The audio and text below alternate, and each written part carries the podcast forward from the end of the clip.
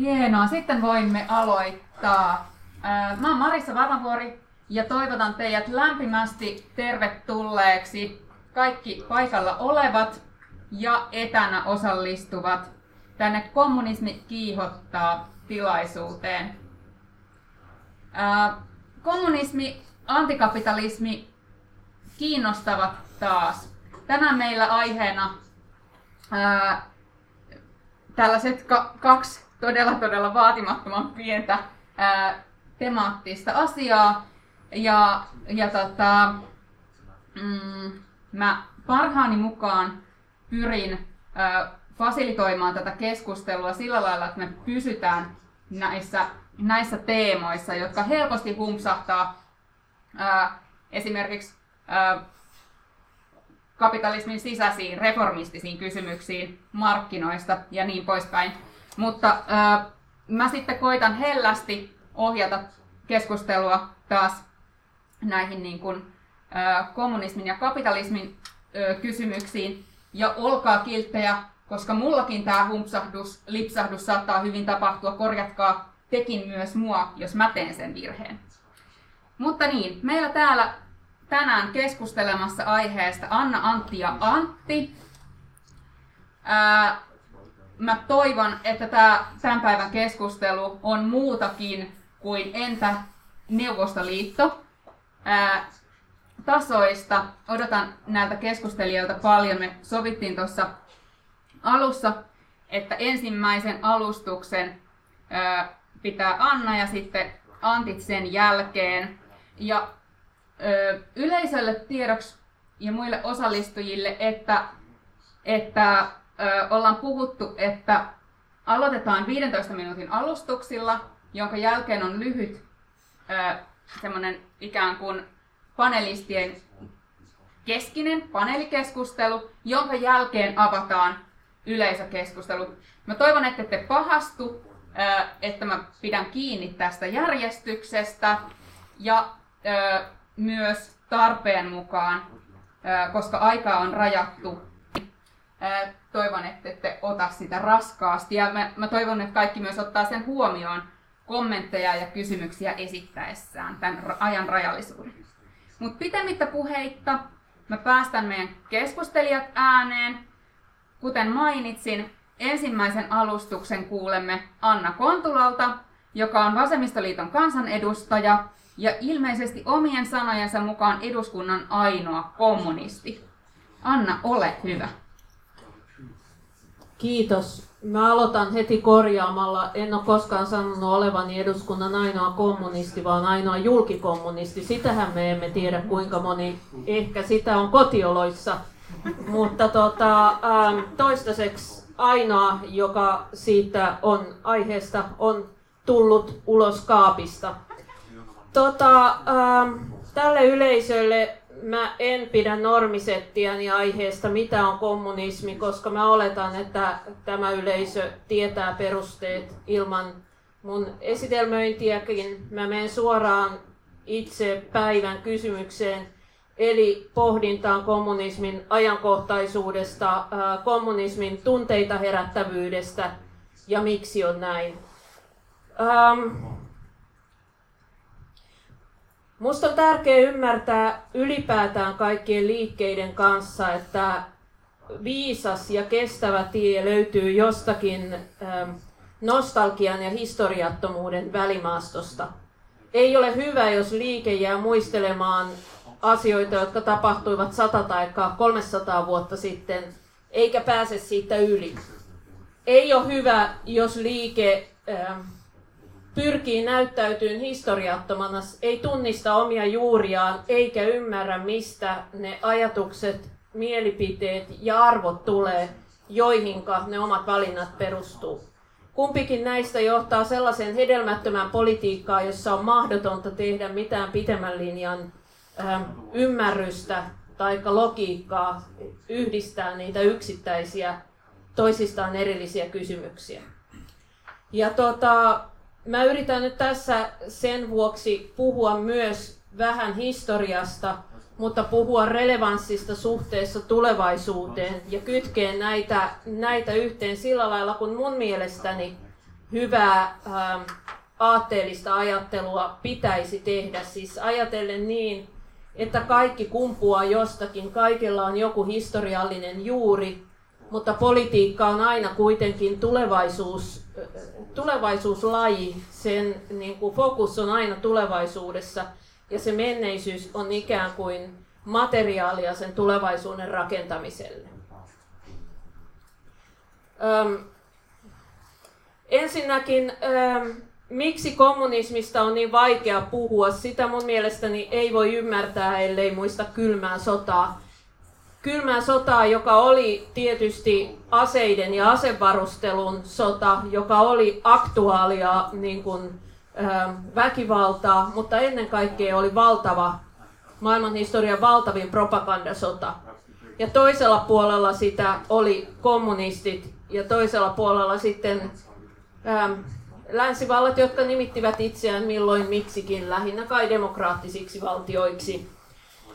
Ja tota, sellaisilla ihmisillä, jotka ei ole kovin perehtyneitä historiaan, jotka ei ole tutustunut aatehistoriaan, kommunismiin tai muuhun, niin yleensä se ymmärrys, joka heillä on kommunismista, tulee niistä sloganeista, jotka on peräisin tästä kylmän sodan ajalta, ja joiden tarkoituksena ei ikinä ole ollut kuvailla kommunismia ää, rehellisesti tai jotenkin ää, tarkasti, vaan joiden tarkoituksena on ollut esittää kommunismi sellaisessa valossa, jotta tämä propagandasota kääntyisi ää, kääntyisi oman puolen eduksi. Ja nyt mä en tarkoita pelkästään ää, Yhdysvaltoihin assosioituvaa länsipropagandaa, vaan mä tarkoitan myös Neuvostoliittoon assosioituvaa itäpropagandaa. Kummassakin ää, kommunismia käytettiin enemmän tällaisen aika yksioikoisen propagandan välineenä kuin, kuin että suuren yleisön tietoon olisi tullut ää, niin kuin aidosti se, mitä aatteella tarkoitettiin, mihin aatteella pyrittiin ja mikä aate itse asiassa oli. Ja nyt kun me katsotaan tämän päivän Twitter-keskusteluja, joissa ei päästä juurikaan kommunismin määrittelyssä sen pitemmälle kuin että kommunismi on yhtä paha kuin Hitler, niin se yleensä lähtee juurikin tästä juuresta. Ja sen ylitse on aika vaikea päästä, koska, koska se on ollut vahva kamppailu. Se on määritellyt meidän niin kuin, ähm, globaalia poliittista kenttää vuosikymmenten ajan. Ja edelleen suurin osa siitä historiallisesta materiaalista, jota me käytetään lähteinä, on tuotettu sen piirissä. No mä olen aina ollut sitä mieltä, että kun jotakin aatetta pyritään määrittelemään, niin on kaksi lähdettä yle, y, ylitse muiden. Ensimmäinen niistä on eh, tietysti itsemäärittely, se miten johonkin aatteeseen uskovat henkilöt tai oman toimintansa siihen nojaavat henkilöt itse aatteensa määrittelevät. Ja toinen on sitten tällainen aatehistoriallinen synteesi, jota, jota historian filosofit ja, ja aatehistorioitsijat tekevät. Näiden ulkopuolella ei kauheasti ole kilpailukykyisiä vaihtoehtoja. Ja jos me lähdetään kummassa tahansa näistä katsomaan kommunismia, niin se näyttää hyvin erilaiselta kuin sen propagandasodan lyhyiden sloganien välissä. Kommunismi oli yksi 1800-luvun suurista ideologioista. Se kantaa mukanaan sellaisia elementtejä, jotka on selkeästi jäänyt 1800-lukuun ja joilla ei ole relevanssia tänä päivänä koska se on niin valtava, se kantaa sisällään myös valtavaa varianssia, erilaisia kommunismeja.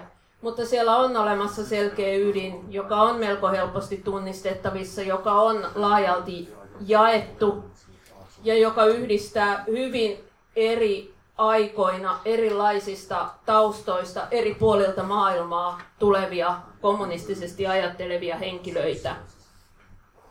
Okei, jatketaan sitten. Äh, siitä, että mitkä on ne keskeiset virhekäsitykset, joihin useimmin törmää kommunismin yhteydessä.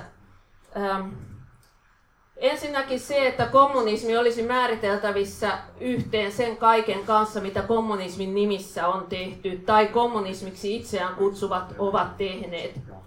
Tämä on yhtä lailla totta kuin, että demokratia on yhtä kuin mitä demokratian nimessä on tehty tai mitä demokratian kannattajiksi itseään kutsuvat ovat elämänsä aikana tehneet. Ei ole olemassa mitään sellaista äh, koherenttia maailmaa, jossa ihmiset toimii vain niin kuin yhden aatteen varassa ja tekee päätöksiä vain yhden aatteen pohjalta. Ja, ja niin kuin kaikki on pelkistettävissä näin. Ja se on vaan hyväksyttävä. Ei, ei, ei. Me joudutaan tämän hyvin sekavan maailman kanssa olemaan tekemisissä, koska meillä ei ole muuta maailmaa. Ja tämän suuri ongelma on se, että täytyy näiden ihmisten kanssa olla tekemisissä. Ihmiset on yleensä sekavia. Toinen ö, iso ö, virheajatus on, että jossain olisi olemassa kommunistisia ö, yhteiskuntia. Ei ole olemassa kommuni- puhtaita kommunistisia yhteiskuntia sen enempää kuin ei ole olemassa puhtaita kapitalistisia yhteiskuntia. Ei ole olemassa puhtaita demokraattisia tai kristillisiä yhteiskuntia. Kaikki yhteiskunnat koostuu valtavasta sekasotkusta erilaisia toiminnan logiikkoja, tuotannon logiikkoja, vallan logiikkoja, yhteistyön järjestämisen logiikkoja. Ja yleensä silloin, kun puhutaan jostakin aatteesta, niin puhutaan siitä, että millainen rooli tämän aatteen mukaan järjestetyillä logiikoilla on tässä yhteiskunnassa. Ja tältä pohjalta voidaan sanoa, että myöskin kommunististen periaatteiden mukaan järjestäytynyttä toimintaa löytyy käytännöllisesti katsoen kaikista yhteiskunnista. Ja kommunistit on yleensä henkilöitä, jotka ovat sitä mieltä, että sitä löytyy vain liian vähän ja että yhteiskunta olisi parempi, jos nämä kommunistiset taskut kasvaisivat ja toisaalta jotkin muut järjestämisen logiikat saisivat vähemmän jalansijaa siellä yhteiskunnassa. Ähm, kolmas virhekäsitys on puhe kommunistisista valtioista. Kommunistista valtio ei ole olemassa, koska kommunismissa ei ole valtiota. Meillä on, meillä on valtioita, joita johtavat henkilöt, jotka ovat kommunisteja, mutta ähm, ei ole kovinkaan paljon. Itse asiassa mulle ei nyt äkkiä tule mieleen yhtään sellaista, joka kutsuisi valtiota, jossa toimii kommunistiseksi itsekään, siis itsemäärittelyllisesti. Johtuen siitä, että itseään kommunistiksi kutsuvat yleensä tietää, mitä kommunismi on, ja he eivät, eivät väitä valtiota kommunistiseksi. Tämä johtuu siitä, että koko ajatus, historiallinen ajatus kommunistista lähtee siitä, että valtio sellaisena kuin me se ymmärretään on ikään kuin kapitalismin kaveri. Se on äh, väistämättä, se on yhtä aikaa kapitalismin kanssa syntynyt äh, asioiden organisoinnin tapa. Se on äh, välttämätön kapitalismille, jotta kapitalismi ylipäätään pystyisi jatkamaan toimintaansa. Ja jos ähm, ja, ja tavallaan tämä yhteen kasvaminen on aiheuttanut sen, että et, et kommunistinen tapa ajatella edellyttäisi niin erilaista asioiden organisointia valtiotasolla, että silloin puhutaan jostakin aivan muusta kuin se valtio, mitä me valtiona ymmärretään. Ja sitten ää, tässä puheenjohtajan aloituksessakin tullut ää, vielä yhtenä tietynlaisena virhemääritelmänä tai puutteellisena määritelmänä kommunismin määritelmä yhtenä antikapitalistisena liikkeenä, Kyllä, kommunismi on antikapitalistista, mutta pitää muistaa, että se on sitä tässä ajassa, koska meidän pitää olla antikapitalisteja, koska kapitalismi on niin iso ja niin kuin keskeisesti maailmaa ja elämää hahmottava, vahvottava tekijä. Mutta kommunismihan tähtää sellaiseen maailmaan, jossa kapitalismi on sen verran ahtaalla, että minkään muun aatteen ei tule määritellä itseensä sen antitoimijaksi.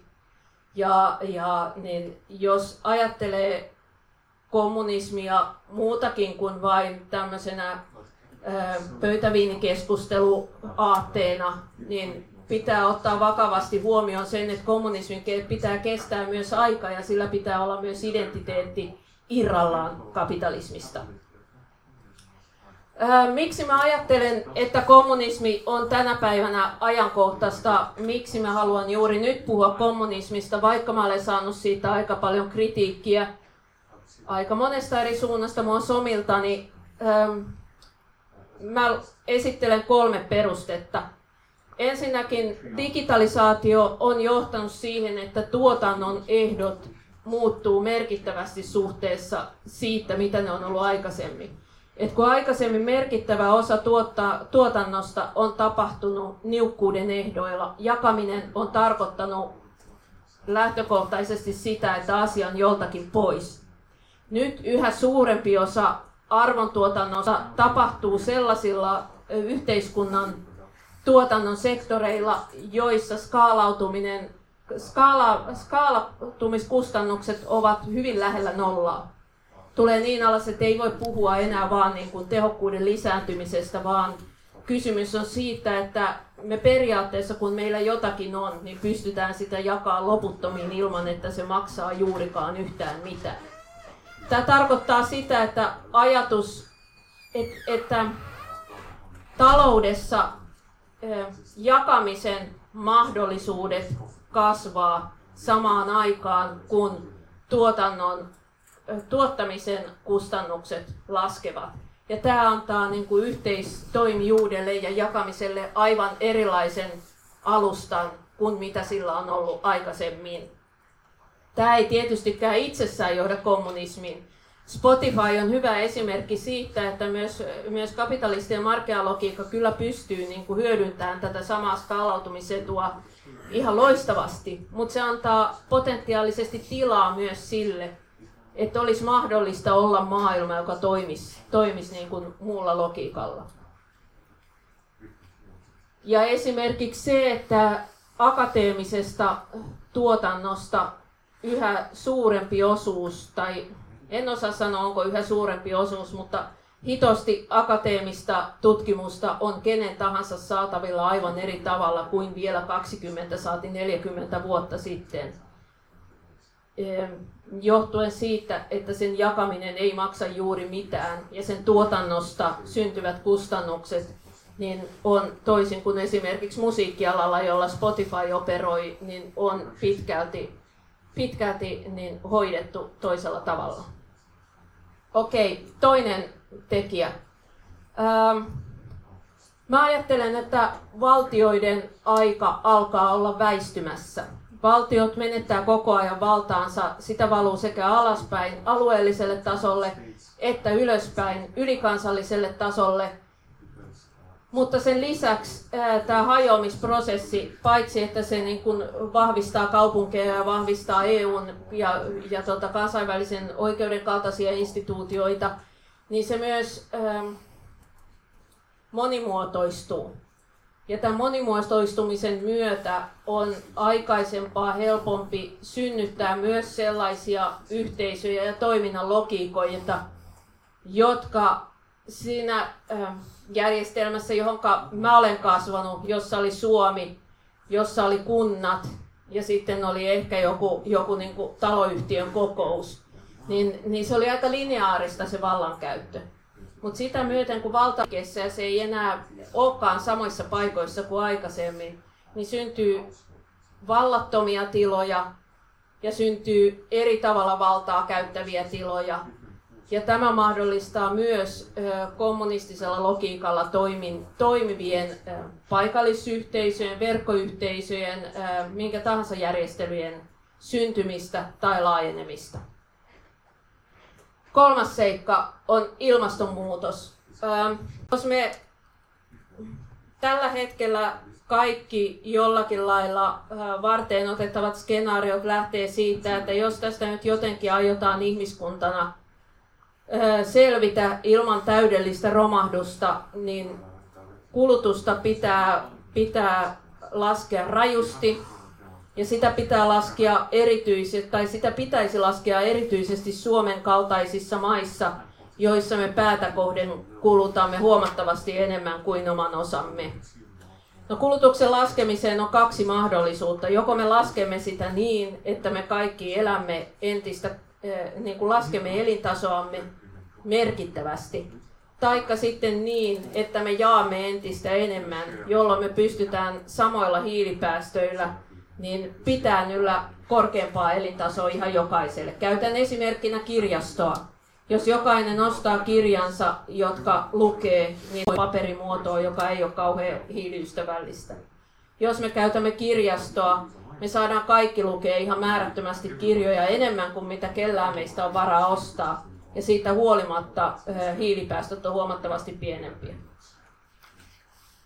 Okei, eli näiden kolmen seikan takia musta, mä ajattelen, että kommunismin kiinnostavuus on tällä hetkellä suurempaa kuin se oli 80-luvulla, kun tietoisen politiikan teon 90-luvulla, jolloin kukaan ei oikein tiennyt, mitä kommunismi oli, tai 2000-luvun alussa, kun me vasta haparoitiin.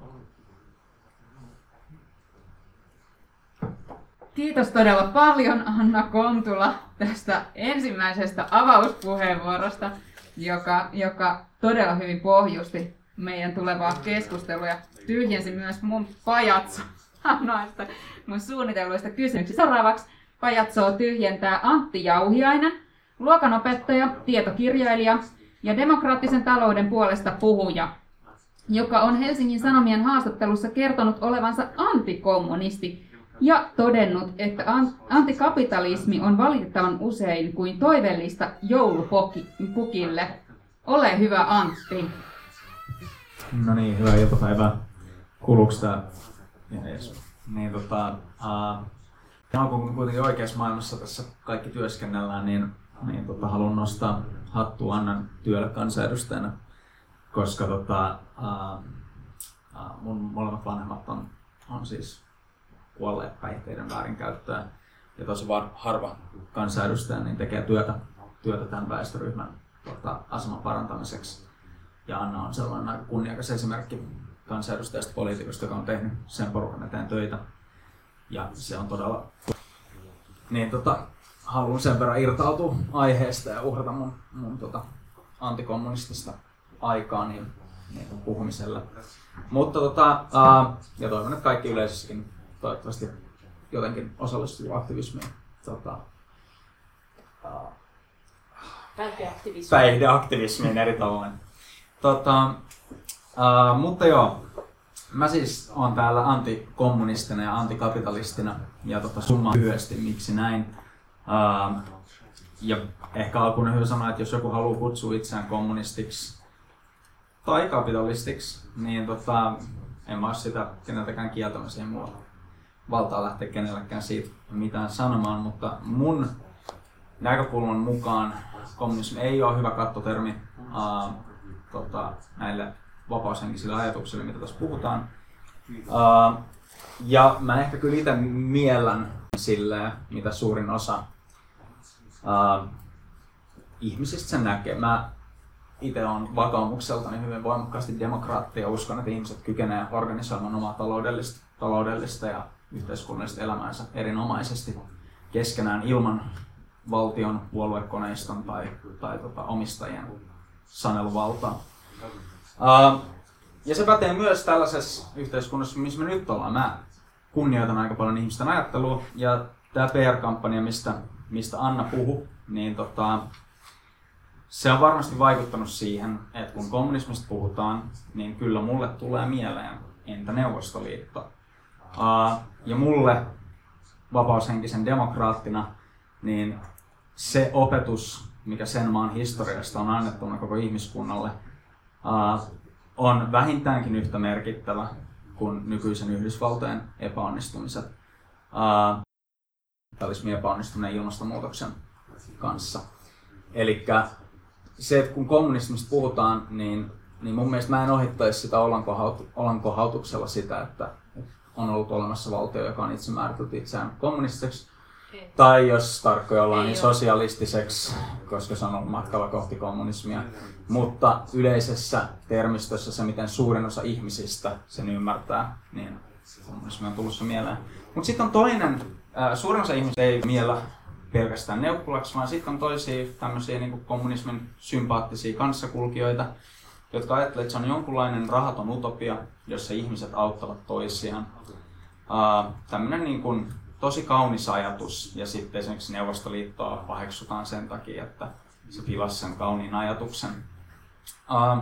Mutta tässäkin mulla tulee ongelma sen kanssa, että mä en usko, että tämmöinen epäselvä ru- ruusinen retoriikka jonkunlaisesta kaiken paremmasta maailmasta on hirveän hyödyllinen keskustelussa paremmasta tulevaisuudesta, koska se työ, mitä tarvitaan, on äärimmäisen monimutkaista ja se työ, mitä vaaditaan siihen, että me oikeasti rakennetaan yhteiskunta ja maailma, joka on vapaa kapitalismista, jonka mä uskon, että tulee olla mun mielestä tavoite. Mä en jättäisi kapitalismille minkäänlaista tilaa tulevaisuuden yhteiskunnassa. Mä uskon, että se on niin myrkyllinen, se on niin myrkyllinen järjestelmä, että se saastuttaa ja kääntää lähes järjestelmän kuin järjestelmän tuhoisaksi. Ja mä oon ehkä ääriajattelija tässä mielessä, mutta mä luulen, että se on tavoitteena. Se ei ole helppo tavoite, se ei ole semmoinen niin kuin yksinkertainen jonkunlainen, tota, se ei ole mikään wicked problem, vaan se on oikeasti todella huolellista taloudellista suunnittelua ja yhteiskunnallista työtä ja niin kuin, ajatuksellista kehittämistä vaativa haaste siitä, miten haitallinen talousjärjestelmä kapitalismi on, on niin painavaa, että mä väitän, että meidän pitää kaikin keinoin pyrkiä siitä eroon. Uh, ja mitä sitten tilalle? Se on sitten se toinen, toinen kysymys, että, että mitä me saataisiin ja miksi ei käyttäisi sanaa kommunismi. Kommunismi viittaa, no mun mielestä, niin tota, yksinkertaisiin. Mä yritän lähteä tässä niin tosi tällaisesta yksinkertaisesta luokanopettajaksi. Kapitalismi viittaa pääomiin ja pääomien ja tuotantovälinen yksityisomistukseen. Niin mulle kommunismi, joka on, on usein käytetty just sosialismin kaaristi rastiin ja sitten siinä just suhteessa valtioon, on niin kuin erilaista rajanvetoa, että sosialismiin se kuuluu ja kommunismiin ei. No, se on sitten oma niin kuin kategoriansa.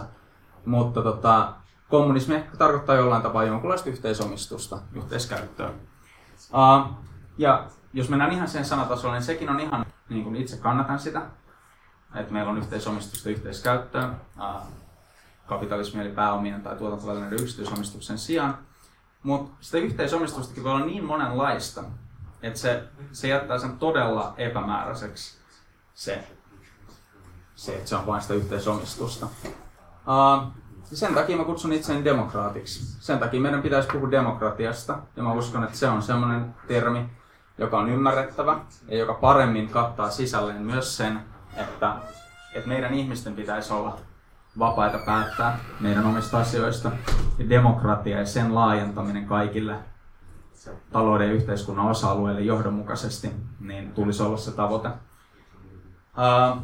Ja ja sen mä nostaisin johtotähdeksi keskustelussa. Ja sen takia mä itse kutsuisin itseäni antikommunistiksi. Ja mun mielestä siinä on ihan painavia perusteita, jonkunlaista PR tai, tai tota, niin kuin eri tahojen niin kuin epäonnistumisia tai, tai niin kuin mustamaalausta, jotka sitten pitää niin kuin tulla kertomaan totuus. Kommunismi ei ole samanlainen niin kuin faktuaalinen asia kuin esimerkiksi hiilidioksidipäästöt Eli me voidaan määritellä sitä eri tavoin. Me voidaan käydä sitä kamppailua siitä, että meidän mielestä olisi parempi, että, että, tota, että sitä kutsuttaisiin näin tai että se ymmärrettäisiin näin. Ja me voidaan ratsastella ympäriinsä kertomassa ihmisille, että te ette nyt vaan ymmärrä tätä asiaa oikein, kuunnelkaapa tästä, näin sen pitäisi olla. Uh, ja se on ihan, se voi olla monessa mielessä kannatettava strategia ja toimintamalli. Mutta tota, uh, mä itse näen hyödyllisemmäksi puhua demokratiasta ja edistää sitä. Sen verran, mitä mä tunnen Annan työtä, niin meillä ei hirveästi ole, ristiriitaa ehkä siinä, että millaista konkreettista politiikkaa vaikka Suomessa tällä hetkellä ajattaisiin. Ja ehkä, ehkä mä lisäisin myös siihen, että mun kommentit tulee niin tässä keskustelussa ottaa lähinnä Suomeen liittyen. Mä en tunne muiden maiden poliittista kenttää tai, tai siitä, sitä niin kuin keskustelua tarpeeksi hyvin, että mä osaisin puuttua. Mä tiedän, että mun niin ystäviä Aasiassa tai, tai tota Etelä-Amerikassa, jotka, jotka on niin kuin todella vakaumuksellisia kommunisteja ja se kommunismi siellä on edustanut, edustanut tosi pitkään todella tärkeitä ja ihaltavia aatteita, jotka on, jotka on edistänyt köyhien ihmisten ja yhteisöjen ja ympäristön asemaa niin kuin tosi hienoin tavoin ja en mä ole mikään sano heille, että mitä heidän pitäisi tehdä. Mutta puhun siitä, että mä uskon, että Suomessa se keskustelu noin niin kuin laajemmin siitä, että jos me halutaan saada niin kuin edistettyä parempaa yhteiskuntaa, demokraattista yhteiskuntaa, niin tota, se parempi kattotermi sille olisi demokratia ja demokratian edistäminen. Uh, koska, uh, koska me tarvitaan oikeasti aika painavia vastauksia esimerkiksi kysymyksiin myös taloudesta ja siitä, että miten demokraattinen talous toimisi. Uh, ja me ei voida ohi, niin kuin ohittaa niitä vaan ollaan kohautuksella.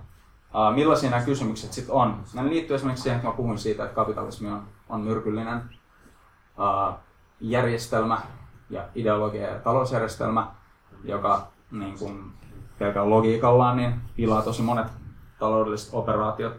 Ja sen takia me tarvitaan vastauksia esimerkiksi sellaisiin kysymyksiin, että miten hintasignaalit toimii taloudessa, miten kysyntä ja tarjonta määritetään, uh, miten, miten tuotantovälineiden jako, miten, mitä tulee sen tilalle, että jos meillä ei ole yksityisomistusta, niin miten me jaetaan käyttöoikeuksia, jos käytännössä olisi niin, niin ratkaisut. Ja, tota, ja siinä niin kuin mä väitän, että on iso vaara, että jos, jos se ohitetaan sellaisella ympäripyöreydellä. Ja mä en myöskään siirtäisi sitä loputtomiin tulevaisuuteen. Et siinä tarvitaan erilaisia askelia.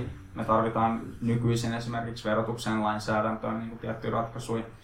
Mutta me esimerkiksi Parkon Finlandissa ollaan pidempään puhuttu siitä, että toisin kuin monet kommunistit, kommunistit puhuu tämmöisestä, niin kuin, että ei pidä rakentaa jonkunlaisia niin kuin, tarkkoja pienoismalleja tulevaisuudesta. En mä usko, että kukaan sitä tarko, äh, niin kuin kannattaa. Mutta esimerkiksi ilmastonmuutokseen, ympäristöhaittoihin, äh, tulonsiirtoihin, palkitsemiseen, niin tarvitaan oikeita ratkaisuja siitä, miten se voi toimia tehokkaasti modernissa taloudessa demokratian keinoin.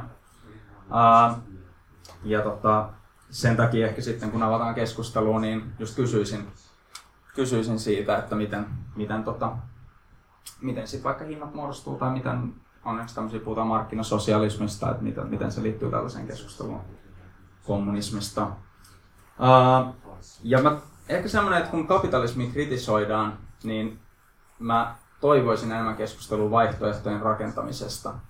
Ja mulle tota, keskustelu siitä, että kommunismi on oikeasti hyvä asia, uh, ihmiset vaan ymmärtää sen väärin, niin tota, se ei niin kuin oikein tarjoa siihen, siihen työkaluja.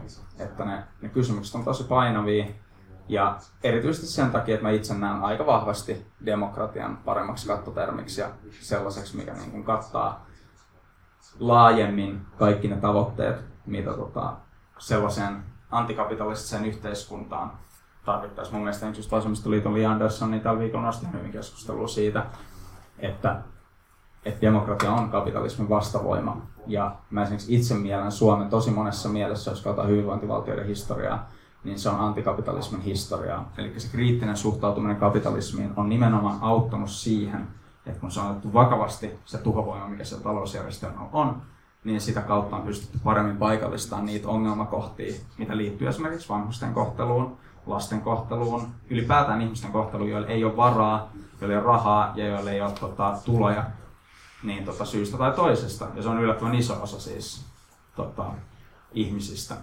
uh, nykyisessä puhutaan tota, nettomaksajista ja nettosaajista ja tällaista, niin se on semmoinen aika hauska vääntö siitä, että oikeasti kapitalismi on talousjärjestelmä, joka ei tarjoa tosi isolle osalle ihmisistä niin, niin kuin keinoja pärjätä ja elää elämässä, koska tarjoaa sitä ainoastaan pääomanomistajille ja niille, joilla on rahaa. Niin tota, niin se on semmoinen, niin joka pitäisi mun mielestä olla ensimmäinen hälytysmerkki meille siitä, että meidän talousjärjestelmässä on jotain vikaa, jos valtavia osia väestöstä, niin ei sen talousjärjestelmän silmissä ole niin kuin, toimijoita tai ansaitse, ansaitse osallisuutta ja vaikutusvaltaa talouteen. Uh, mutta siis niin, Li Andersson nosti keskustelua siitä, että, että kapitalismin vastavoima on demokratia ja mä allekirjoitan sen kyllä, kyllä vahvasti ja sen takia meidän tulisi pyrkiä lisää sitä demokratiaa tosi päättäväisesti ja mä uskon, että siinä meillä ei hirveästi ole, hirveästi ole tuota ristiriitoja, että jos mieltää kommunismin sellaiseksi, niin siinähän se sitten on. Mutta ehkä mä niin kuin Suomessa käytävässä keskustelussa, niin tota, se historia, mikä meillä on Neuvostoliiton kanssa, ja toisaalta se historia, mikä meillä on vasemmiston kanssa siitä, että, että tota, tämmöinen niin kuin hyvin epäselvä utopia on kellonnut kelvannut johtotähdeksi, niin, niin tota, ne nostaa siihen sellaiset, että mä en oikein näe hyötyä sille termille ja mä oikein mielelläni kutsun antikommunistiksi itseäni, ihan niin kuin kutsun antikapitalistiksi. En mä, en mä vastusta hintasignaaleja, en mä vastusta sitä, että, että tota, tuotanto ja kulutus määräytyy kysynnän ja tarjonnan mukaan, mutta ne ei liity kapitalismiin tai edes markkinatalouteen. Kaikissa talouksissa on hintasignaaleja, kaikissa talouksissa on kysyntää ja tarjontaa. Ne on vaan tykätty kaapata kapitalismin tai markkinatalouden yksinoikeudeksi.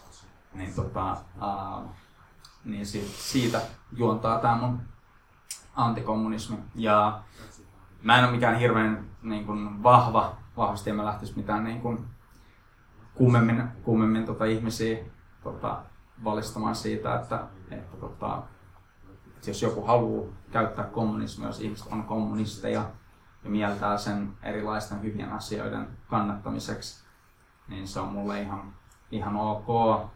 Uh, mä itse koen, että demokratia on ymmärrettävämpi ja parempi kattotermi ja sellainen, joka, joka kattaa laajemmin ja hyvin pitkälle tavallaan se vision siitä toivottavasti yhteiskunnasta, joka mun käsityksen mukaan olisi niin kuin demokratia ja vapaus vietynä äärimmäisen tota, pitkälle, joka on ollut vuosisatoja niin vapaushenkisen liikehdinnän johtotähtiä, ja tota, jonka mä miellän tavallaan sellaiseksi, jota anarkistit ja libertaarisosialistit on komeasti vienyt, vienyt eteenpäin, mutta jossa myös on ollut sosiaalidemokraatit, sosialistit ja kommunistit eri aikoina niin edistämässä niitä tavoitteita.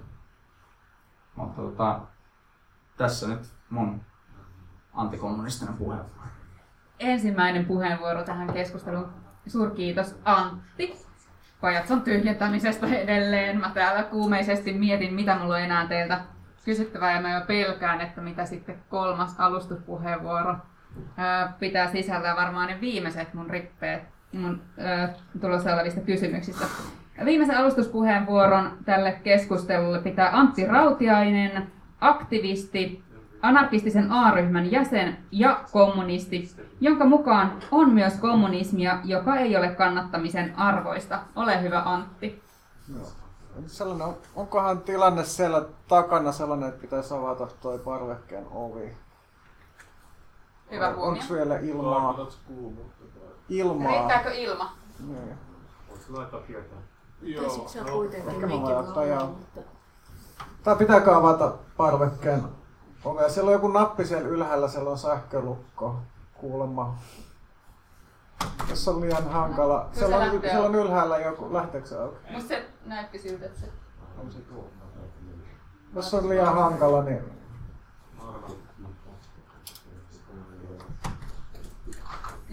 Joo. kiitos. Kiitos paljon. Joo, tosiaan mun oma tausta tosiaan on ollut anarkisti noin viimeiset 25 vuotta ja, ja anarkistinen kommunisti, kommunisti, mutta anarkistit ei ehkä niin usein, tai jotenkin anarkistit, anarkisteilla usein on niin kuin kohdistaa keskustelun ihmisiin, jotka jo valmiiksi on tai aina ikään kuin pitää kohderyhmänään ihmisiä, jotka on sosialisteja ja sitten äh, ehkä liikaa keskustelee anarkisista metodeista kuin päämäärästä, mutta päämäärästäkin on, on hyvä keskustella. Ja tosiaan ihan määritelmistä tosiaan, koska tässäkin keskustelussa selkeästi kaikilla kolmella keskustelijalla saattaa olla eri määritelmät, niin mikä ei ole välttämättä huono asia, kunhan kaikki tietää, mistä kukin itsekin puhuu.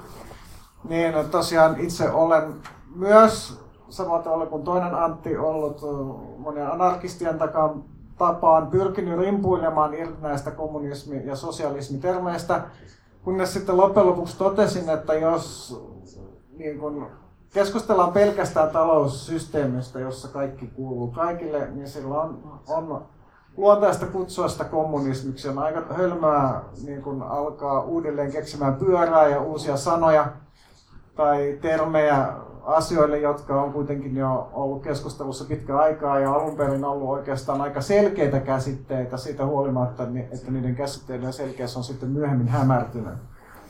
Ja sen takia niin kun kommunismia tosiaan lähden siitä, että tässä omassa alustuksessani se on talousjärjestelmä, jossa kaikki kuuluu suurin piirtein kaikille, ei tietenkään ehkä yksityiset välineet, mutta tuotantovälineet ja sitten myös kulutustarvikkeet, joita sitten, sitten hankitaan. Sosialismi taas on vielä paljon vaikeampi määritellä muistaakseni, jos en ihan väärin, väärin muista, niin siinä Anna Kontulan tekstissä, joka oli linkattu tämän tapahtuman kutsun oli, oli, että kommunismi ei ole sosialismia.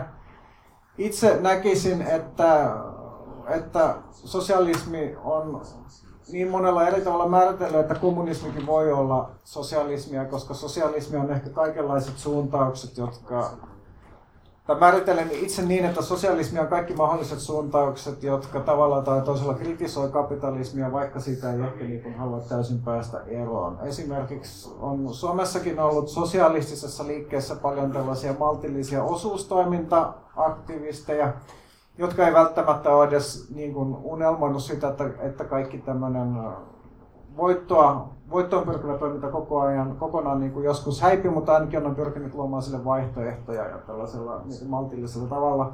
Ja hekin kuitenkin pitävät, ovat pitäneet itseään sosialistisen liikkeen jäseninä.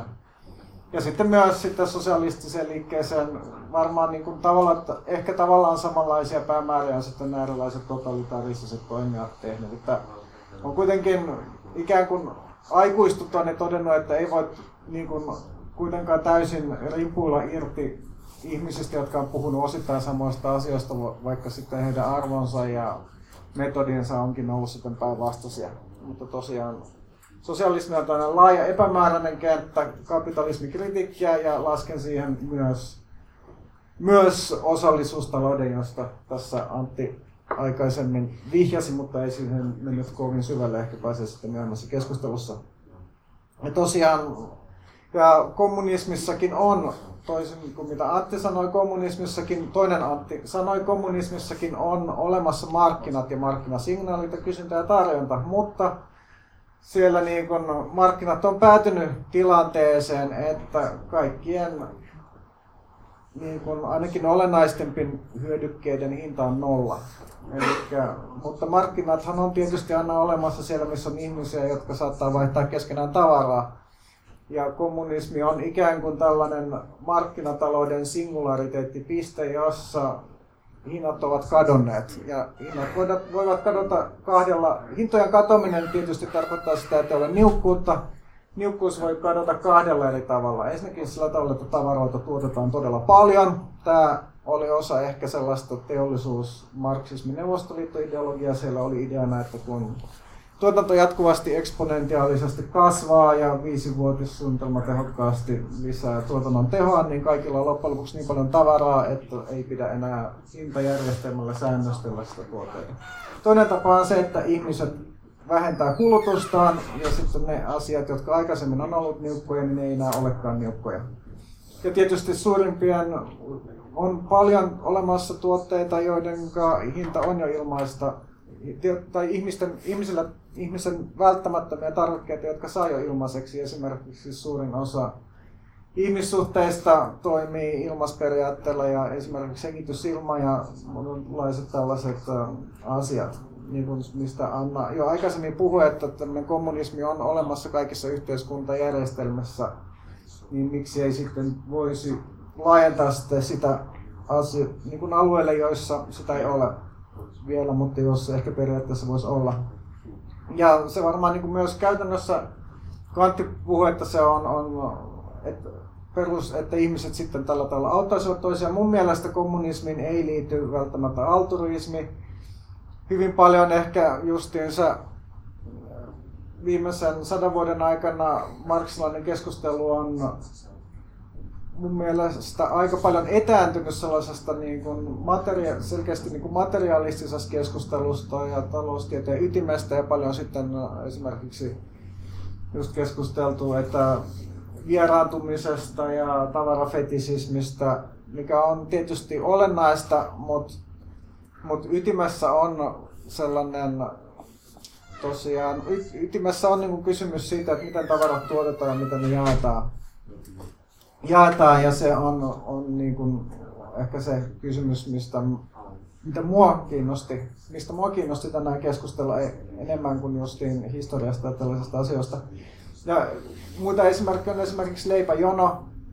Leipäjonossa tavallaan ilmasta, et, ja se on, että jos sitten, mutta ongelmia, ongelma ei ole se, että, että tavara ilmaista ja kaikki menevät sinne niin kuin väär, vaikka väärinkäyttämään tätä, vaan ongelma on se, että, että siellä ei ole ehkä tarpeeksi tavaraa ja sitä tavaraa pitää jonottaa tosi paljon. Mutta jos kaikissa kortteleissa olisi leipäjonoa, niin sitten ehkä ei pitäisi jonottaa niin, niin kauan. Ja kun tällaiseen niin kun järjestelmään on nyt jo päätynyt, niin ehkä sitä voi sitten pyrkiä siitä laajentamaan eteenpäin. Ja, mutta, mutta tosiaan on paljon ongelmia siitä, että miten kommunismi voidaan käytännössä siirtyä, siirtyä, joten, siirtyä koska ja erityisesti sellainen niin kuin askel, asteittainen siirtyminen kommunismiin voi olla hankalaa, että, mutta voi käydä, että, ja se on niin myös asia, mikä mun mielestä on, on ehkä kiinnostavin ongelma. Ongelma ei ehkä siinä, että onko kommunismi periaatteessa mahdollinen, vaan, se, vaan vielä vaikeampi kysymys on se, että miten kommunismi voi käytännössä siirtyä. Ettei käy niin kuin Neuvostoliitossa, jossa 60-luvun alussa Khrushchev sanoi, että vuonna 80 sitten syntyneet, tai vuonna 80 meillä on kommunismi, ja se kirjoitettiin, oli Neuvostoliiton passessa, mutta ei tullut sitten, ja sitten Neuvostoliitossa oli vitsi, että ei tullut kommunismi, tuli olympialaiset. Sitten ikään kuin korvikkeeksi siitä. Että, että esimerkiksi voiko usein vasemmistopolitiikan tarkoitus on esimerkiksi parantaa sosiaaliturvan tasoa, esimerkiksi, että olisi, olisi nyt nostettiin ainakin väliaikaisesti perustoimeentulotukea. Sitten on ollut eriasteisista perustulomalleista keskustelua. Vihreät ehdottaa 600, Vasemmistoliitto on muistaakseni ehdottanut 800, vasemmisto nuorilla oli välillä tuhannen euron perustulomalli, mutta onko se, niin kuin, voiko tavallaan se, että jakaa ihmisille lisää rahaa, niin voiko se johtaa kommunismiin, jos sitten oikeastaan niin kuin tällainen rahan rahavirtojen kasvattaminen ja ihmisten integrointi, ehkä ihmisten, jotka on tällä hetkellä tavallaan niin kuin ulkopuolella, että ne niin kuin jotain, että niiden pitää mennä vaikka niiden vanhempien luokse viikonloppuna syömään ruokaa, jos ne on, on nuoria työttömiä, niin sitten kun he saavat perustulon, niin sitten onkin mukavaa, kun he voivat sitten itse ostaa omat ruoansa, mutta sitten samalla tavalla sitten oikeastaan vaan rahatalous tulee yhä laajemmille alueille.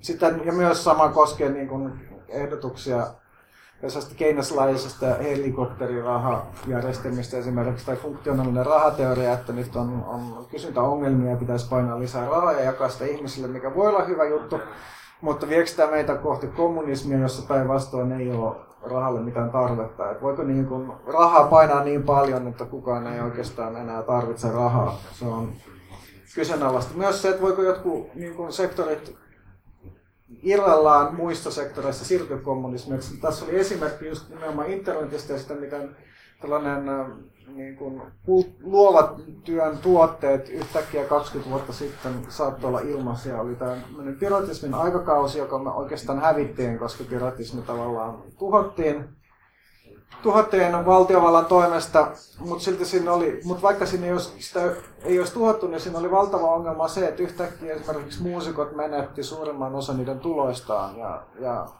kaikkien muusikoiden oli pakko tulla jonkinlaiseksi muuttaa viihdytteiksi. Ei ollut enää mahdollista elää sieltä, että sä kotona ja sävelät jotain teoksia, vaan sun pitää sitten kulkea tuolla niin kuin no, konserttisaleilla ja baareissa ja stadioneissa ja sitten viihdyttää yleisöä. Että se on tietysti erittäin hyvä niille muusikoille, jotka niin kuin viihtyy siinä roolissa, mutta sitten jos oma kiinnostuksen kohde olikin sitten tämä musiikin tuotanto, niin ei sitten ollut enää niin mahdollista saada sitä tuloja. Ja kukaan muusikko ei varmaankaan ollut sitä mieltä, että se oli tosi huono juttu, että ihmiset sai ne ilmaiseksi ne kamat. Mutta ongelma oli se, että niiden piti itse vielä maksaa vuokrat ja ostaa ruoat ja tällä tavalla. Se kestikin niin kun, kommunismi edellyttää sitä, että kaikki ikään kuin siirtyy siihen samanaikaisesti. Ja, et, ja sen takia tällainen niin kuin askel, askeltainen siirto kommunismiin voi olla tosi hankalaa, koska muuten voi käydä niin, että jotkut ihmiset sitten niin kuin, ja kokonaan, että niistä ihmisistä, jotka ei välttämättä siirry siihen kommunismiin, ne voi jäädä sitten ira, niille ei välttämättä sitten tule näitä, tuot, näitä tuotteita, mitä sitten muut saa ilmaiseksi esimerkiksi ja sitten niitä, jotka on kommunismissa, niin sitten ne jää sitten näistä kommunismin ulkopuolella olevista tuottajista paitsi. Ja tosiaan, että itse en ole, että yksi syy miksi mä järjestin tämän, tai halusin olla mukana, en tietenkään itse järjestänyt tätä tapahtumaa, mutta halusin niin kun tehdä tämmöisen aloitteen on se, että että kommunismista tosiaan niin kuin keskustelu on kasvanut. Esimerkiksi tuli vuosi tai pari sitten tuli Pontus Purokirja, Pontus Purokuron kirja Täysautomaattinen avaruus, Homo Luxus kommunismi, joka oli, oli esitti, teki tästä internet-meemistä niin kuin sitten lähti niin kuin ajattelemaan, että minkälaista se voisi olla todellisuudessa. Ja sitten myös Työstä liitto on pitänyt kyllä samanlaisia ideoita mutta sitten usein sitten se jää ikään kuin siltikin tällaiselle internet tasolle, että se on vain tällainen niin kuin jännä idea tai ikään kuin, että voidaan toisella tavalla ajatellemalla sitten kritisoida yhteiskuntaa, mutta mä en itse koe, että okei se, että pystyy ylipäätänsä ajattelemaan kriittisesti, se on hyvä juttu, mutta itse kuitenkin haluaisin, että tämä on olisi niin kuin reaalisesti toteutettavissa oleva malli, johon olisi jonkinlainen niin kuin mahdollinen siirtymä. siirtymä ja koska mun mielestä kommunismi ei ole välttämättä utopia, se ei edellytä jotain niin kuin idealistista ihmiskuvaa toista nattavista ihmisistä, vaan se voi olla niin kuin käytännössä käytännöllinen tapa järjestää tuotanto ja kulutus, koska sitten jos kaupassa ei esimerkiksi pidä olla enää myyjää ja vartijaa, niin nekin ihmiset voi sitten niiden koko työpäivän käyttää johonkin paljon järkevämpään hommaan. Mutta, mutta tosiaan, että ja sitten siitä, että, että mä itse, että tosiaan jos on nämä kaksi mallia ikään kuin näin suunnilleen kommunismin siirtymisestä, eli on tällainen, että ää, niin kuin, no, mä oon joskus puhunut, että on kysyntäpuolen ja tarjontapuolen malli, että miten sitten tavallaan, jos markkinat käyrä markkinoilla niin kysyntä- ja tarjontakäyrä on tällainen niin rastin muotoinen, niin sitten siihen, että hintat on nolla, niin siihen voidaan päästä sillä tavalla, että tosiaan lisätään tarjontaa tai vähennetään kysyntää. Että sellainen niin taikaseinä-malli, että tällainen superteknologisen kehityksen avulla päästään. Kommunismi siihen oon suhtautunut skeptisesti sen takia, että ensinnäkin se ei ole välttämättä niin kuin fyysisesti ja teknisesti mahdollista. Voi hyvinkin olla, että teknologisella kehityksellä on, on rajansa ja se, että talouskasvu on niin paljon hidastunut viimeisten muutaman vuosikymmenen aikana, niin se voi myös kertoa siitä, että, että tekninen kehitys on ikään kuin toistaiseksi saavuttanut jonkinlaisen rajansa myös, että mitä me sitten ennen kuin nämä niin kuin taikaseinäkoneet, jotka tuottaa meille kaiken on keksitty, niin, niin, niin miten me sitten voidaan tehdä sitä ennen.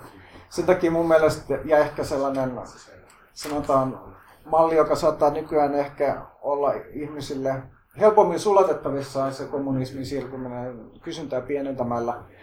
Mutta se, se ei sitten, siitä sitten, että tulee, on tietysti vaikea kysymys, että kenen pitäisi vähentää kulutusta ja mikä kulutus pitäisi lopettaa. Ja yhtäkkiä sitten tavallaan se tulee mukaan sellainen kyyläämiselementti, että kuka meistä sitten tuhlaakaan ja törsää liikaa. Ja on se, että sekin on tietysti jo asia, mitä ihmiset on omaksunut, että on paljon keskustelua tästä kulutuksesta ja ihmiset sitä levittää jotenkin. Myös monella tavalla kulutus ei ole enää sellainen yksityinen, että kapitalismihan lupaa sellaisen idean, että me voidaan nostaa mitä ta, että meidän rahoilla me voimme tehdä mitä tahansa. Voimme vaikka mennä Afrikkaan ja ostaa lisenssin ja ampua sarvipuonon ja leikata sen irti, eikä kukaan voi sille mitään, mutta näinhän se ei enää ole. Että ihmiset jatkuvasti seuraa toistensa kulutusta ja myös kulutuksesta on tullut sillä tavalla kollektiivista, että aina kun jotain kulutetaan, niin sit sitä pitää laittaa kuva Instagramiin ja sitten jatkaa. Sitten seuraa sua Instagramissa, niin sitten kuluttaa sen asian ikään kuin sun kanssa yhdessä. Että ehkä sellainen niin kuin yhteisen kulutuksen mentaliteetti on sille lyönyt läpi, että se, sitä ei ehkä kommunistien edes pidä niin paljon propagoida. Mutta siltikin äh, niin kun, ei varmastikaan sitten kovin helppoa yhdessä yhteistoimin päästä sitten sopimuksen sitä, että mistä sitten pitää, pitääkin tota, kulutusta leikata. Mutta tämä ongelma on tietysti yhtä lailla sekä kommunismissa että sitten kaikissa muissa tällaisissa suunnitelmatalouden jutussa voi olla helpompi kommunismissa kuin, kuin missään muissa. No, tässä ehkä suunnilleen osa oli sitä, mitä mä halusin niin kuin aluksi heittää, mutta vielä tosiaan tästä, että, että et tietysti niin kuin, että tässä ikään kuin myös itse kommunismista, kommunistina myönnän, että kommunismi liittyy tällainen ehkä vähän maalitolppien siirtely, koska toisaalta, toisaalta niin me tietysti sanotaan, että markkinatalous ja kapitalismi ei ole sama asia. Ja Marksikin oli tietysti selkeästi tätä mieltä, että Marksikin aina, marksilaisuudessa on aina mukana se, että, että tulisi markkinataloudesta kehittyisi kapitalismiin tarvitaan primitiivinen akkumulaatio, eli resurssien ryöstäminen, orjukauppa ja kaikkien maanomaisuuden keskittämisen harvojen käsiin, mikä sitten keskialta eteenpäin tapahtui länsimaissa ja sitten kehitysmaiden kautta tapahtui globaalisti. Mutta siltikin me sitten kommunistit tavallaan pyritään marginalisoimaan markkinatalousta ja tosiaan siirtää se sellaiseen rajatilaan, missä suurin osa, osa, ajatu, suurin osa tuotteista on ilmaisia tai ainakin kaikki merkittävimmät tuotteet. Sitä voisi keskustella, että onko kommunismi heti kuollut, jos joku myy jossain jotain omaa kamaansa vaikka jollain kirpputorilla tai, tai naapurille tai jotain. Mielestä ei ole.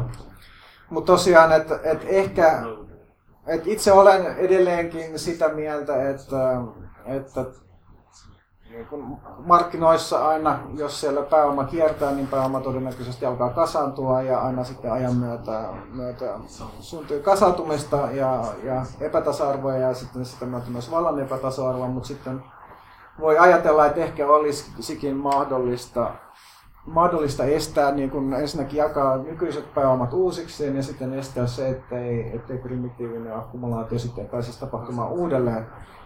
Että sitäkin sitten tietysti kommunismia kannattaa keskustella, että jos me aina niin kun perustellaan ihmisille, että kapitalismi ja markkinatalous on eri asia, niin miksi me halutaan päästä eroon molemmista tai ainakin marginalisoida ne markkinat. Tässä, mutta tämä on ehkä enemmän, enemmän tosiaan kysymys keskustelua varten kuin, kuin vastaus. Ja kysymyksiä, johon mä en ole ehkä itse löytänyt vielä yksiselitteisiä ratkaisuja. Joo, ehkä Marsalle tuolla mukaan jää vielä kysyttävää. Joo, kiitos paljon. Mulla on pitkä lista kysymyksiä oli ennen tätä ja on tullut tässä lisää, mutta mä näin myös, että Anna, sä tartuit jo useamman, useampaan otteeseen mikrofoniin, niin mä haluan kyllä antaa teille myös semmoiseen keskinäiseen kom- kommentointiin tässä nyt tilan ensi alkuun. Joo, tota, muutama kommentti kummastakin alustuksesta, kun mä oon sillä lailla kiitollisessa tilanteessa, että pääsin puhumaan ensin, niin ehdin tässä sitten keskittyä vasta-argumenttien hiomiseen. Ähm, Saanko mä pyytää, nämä on sitten lyhemmät puheenvuorot kuin äskeiset. Ähm, Antti, ratkaisit ongelman kommunismin ikävästä maineesta puhumalla mieluummin demokratiasta, koska äh, sun mielestä se ei ole riittävää, että sanoa, että kommunismi on oikeasti hyvä asia, ihmiset vaan ymmärtää sen väärin. Mutta jos joku asia tässä maailmassa, joku käsite on ymmärretty väärin, niin se on kyllä demokratia. Et jos sä haluat löytää käsitteen, jota kannatti Neuvostoliitto ja kannatti Yhdysvallat, niin sieltä sieltä koko 1900-luvun ajan, jonka nimi vannoo edelleen käytännössä kaikki meidän nykyisestä eduskunnasta ja suurin osa yhteiskunnallisista liikkeistä sen ulkopuolella, niin se on nimenomaan demokratia, että höttösempää käsitettä on enää vaikea löytää. Ja se, että se on niin legitiimi se käsite, on johtanut siihen, että vakava keskustelu demokratian rajoista ja demokratian mahdollisuuksista, niin sitä ei käytännössä käydä missään. Et demokratianhan liittyy todella isoja ongelmia, joita ei ole, jotka on edelleen ratkaisematta. Iso ongelma on se, että mitenkä, pää, mitenkä demokraattisen päätöksentekoon osallistuisivat ne, joita päätös oikeasti koskee, kun me täällä näin pökryttelemme hiiltä taivaalle ja ilmaston vaikutukset kuitenkin tapahtuu toisella puolella maailmaa pääosin, että meillä vaan kukat kasvaa paremmin, kun ilmasto lämpenee tai tulevat sukupolvet, joilla ei ole edes teoreettista äänioikeutta, vaikka me globaali, globaali maailmanvaltio saataisiin aikaiseksi se vielä demokraattiseksi. Tai entä jos ihmiset päättää väärin? Jos suomalaiset äänestää kuolemanrangaistuksen puolesta, niin pitääkö meidän sitten ottaa käyttöön kuolemanrangaistus, koska demokratiaahan se on? Demokratian iso ongelma on myös se, että ihmisten aika loppuisi kesken, jos he oikeasti vaikuttaisivat kaikkiin itseään koskeviin asioihin. Et, et, ja useimmat ihmiset ei halua. Useimmat ihmiset on ihan tyytyväisiä siitä, että ne haluaa, että niiden hallitus on suurin piirtein niin kuin rehellinen ja ne saa haukkua sitä välillä, mutta ei niitä kiinnosta niin kuin edes sen verran, että ne kerran neljäs vuodessa kävelisi tuonne vaaliuurnille valitseen niin kuin päät, päättäjiä päättää puolestaan. Niin kaiken tämän keskellä, jos sanotaan vain demokratia ja jätetään se siihen, ja niin kuin se ratkaisee kaiken, tätä me tavoitellaan, niin me ei sanota yhtään mitään yhtään mihinkään. Ja se on niin kuin semmoista niin kuin täydellistä nollakeskustelua. Sitten tästä, onko, pitäisikö kaiken kommunismin toteutua kerralla, koska muuten osittainen kommunismi jättää jotkut, jotkut niin pahan pulaan. Yliopistotutkimus esimerkkinä, se mitä mä käytin tuossa aikaisemmin, siinähän se kannustelogiikka menee niin, että mitä enemmän sä onnistut jakaan tutkimusta, mitä enemmän sun papereihin viitataan, niin sitä todennäköisemmin sä saat sen proffan paikan. Eli se logiikka siellä on rakennettu niin, että raha tulee pääsääntöisesti muualta kuin myymällä sitä tuotetta. Ja itse asiassa mitä enemmän sä saat ihmiset suostuteltua, suostuteltua käyttämään sitä sun tuotetta, niin sitä paremmin sä, paremmin sä pärjäät siinä niin kuin yliopistohierarkiassa. Se, on musta, se ei ole kommunistien esimerkki, mutta se on hyvä esimerkki siitä, että nykyjärjestelmän sisällä on muutakin kuin tämä muusikoiden karu kohtalo. Niin kuin, että se jakaminen voi toimia muillakin tavoilla. Ja tämä voisi olla aihio myös toisenlaisiin tapoihin tehdä asioita. Ähm, mun mielestäni, tai musta on tärkeää huomata, että tai me voimme elää myös toinen jalka kommunismissa ja itse asiassa suurin osa meistä elääkin, koska useimmat suomalaiset nojaa perhemalliin jossa lähdetään siitä, että kaikilta vaaditaan kykyjensä mukaan ja kaikkien, kaikkien yksilölliset tarpeet pyritään täyttämään tarpeidensa mukaan. Ja tota, äh, eihän se ole mikään ongelmaton utopia, jossa kaikki menee aina hyvin. Mutta se on kuitenkin tila, jossa niin kuin suurin piirtein saadaan ongelmat ratkottua ja klaarataan eteenpäin ja niistä perustavoitteista ei luovuta silloinkaan, kun näyttää tosi kurjalta, kun se joku on mennyt käyttämään kaikki perheen rahat johonkin, mitä muut ei ole niin kuin allekirjoittanut. Julkinen tila mahdollistaa monia kommunistisesti organisoituneita operaatioita. Mä liityin just, mehän striimataan kapitalistisen Facebookin kautta täällä, jos mä oikein ymmärsin, niin liityin just Facebookissa omenaryhmään, jossa ihmiset, jotka ei jaksa ker- kerätä omenoitaan, kutsuu muita ihmisiä, että tulkaa kerää meidän pihasta omenoita, niin ne ei mätäne sinne meidän pihaan.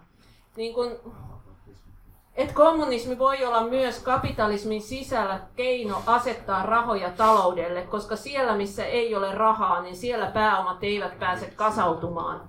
Ja, ja tota, sitä kautta niin kuin, sitä voidaan kasvattaa myös pikkuhiljaa jos ei lähdetä siitä, että sä elät nyt kommunismissa ja sä elät kapitalismissa, mutta sitten kuitenkin olette saman organisaation sisällä. Yes. Kiitos tosi paljon. Nyt mä huomasin, että täällä kumpikin Antti hillitysti omalla tavallaan pyöri tuolissaan ja odottaa varmasti kommenttipuheenvuoroa. Kumpi aloittaa? No, mä voin aloittaa. Uh, ehkä silleen hyppään taaksepäin, mä yritän olla nopeampi, tällaisissa tila- tilaisuuksissa tiedä, sitä on vaikea seurata, jos puheenvuorot pitkiä, mutta tota, niukkuudesta semmoinen, että, että siis ilmastonmuutoshan on jo nyt edennyt niin vakavaan pisteeseen, että meillä tulee olemaan siis satoja vuosia luultavasti edessä, vaikka me saataisiin ilmastonmuutoksen nykyinen kiihtyminen pysäytettyä, milloin joudutaan korjaamaan näitä tuhoja ja paikkaamaan sitä, niitä ongelmia, mitä on, on syntynyt, ja niistä seuraavia niin hyvin arvaamattomia tuota ketjureaktioita ja se tarkoittaa sitä, että kysymys nimenomaan niukkuuden jakamisesta siitä, että miten me pystytään vastuullisesti käyttämään luonnonresursseja, kaikkea sitä, mitä käytännössä taloudessa tarvitaan, niin tota, tulee olemaan äärimmäisen painava. Ja sen takia, sen takia niukkuuden pitäisi mun mielestä olla todella keskiössä. Ja siihen yhteisomistus ja yhteis, jakamisyhteiskäyttömahdollisuudet eri tavoin on yksi tosi oleellinen, oleellinen kenttä, koska nimenomaan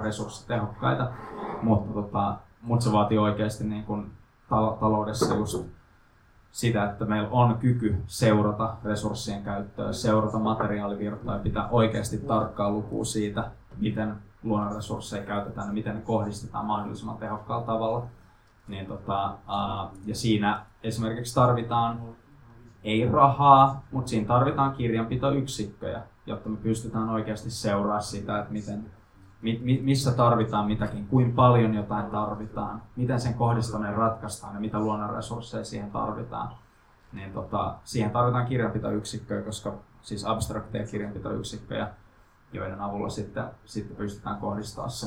Ja ne on oikeasti aika niin kuin sellaisia isoja talousteoreettisia kysymyksiä, minkä kanssa on pakko painia, jos me halutaan huolehtia tästä planeetasta ja näitä vahinkojen korjaamisesta. Uh, demokratia on höttöinen käsite, niin on tosi monet muutkin käsitteet, uh, mutta demokratia on yleisesti mielletty. Niin kun se, on, se on termi, joka tunnetaan ja se on termi, joka on mahdollista skaalata hyvin pitkälle ilman, että se niin kuin rikkoutuu.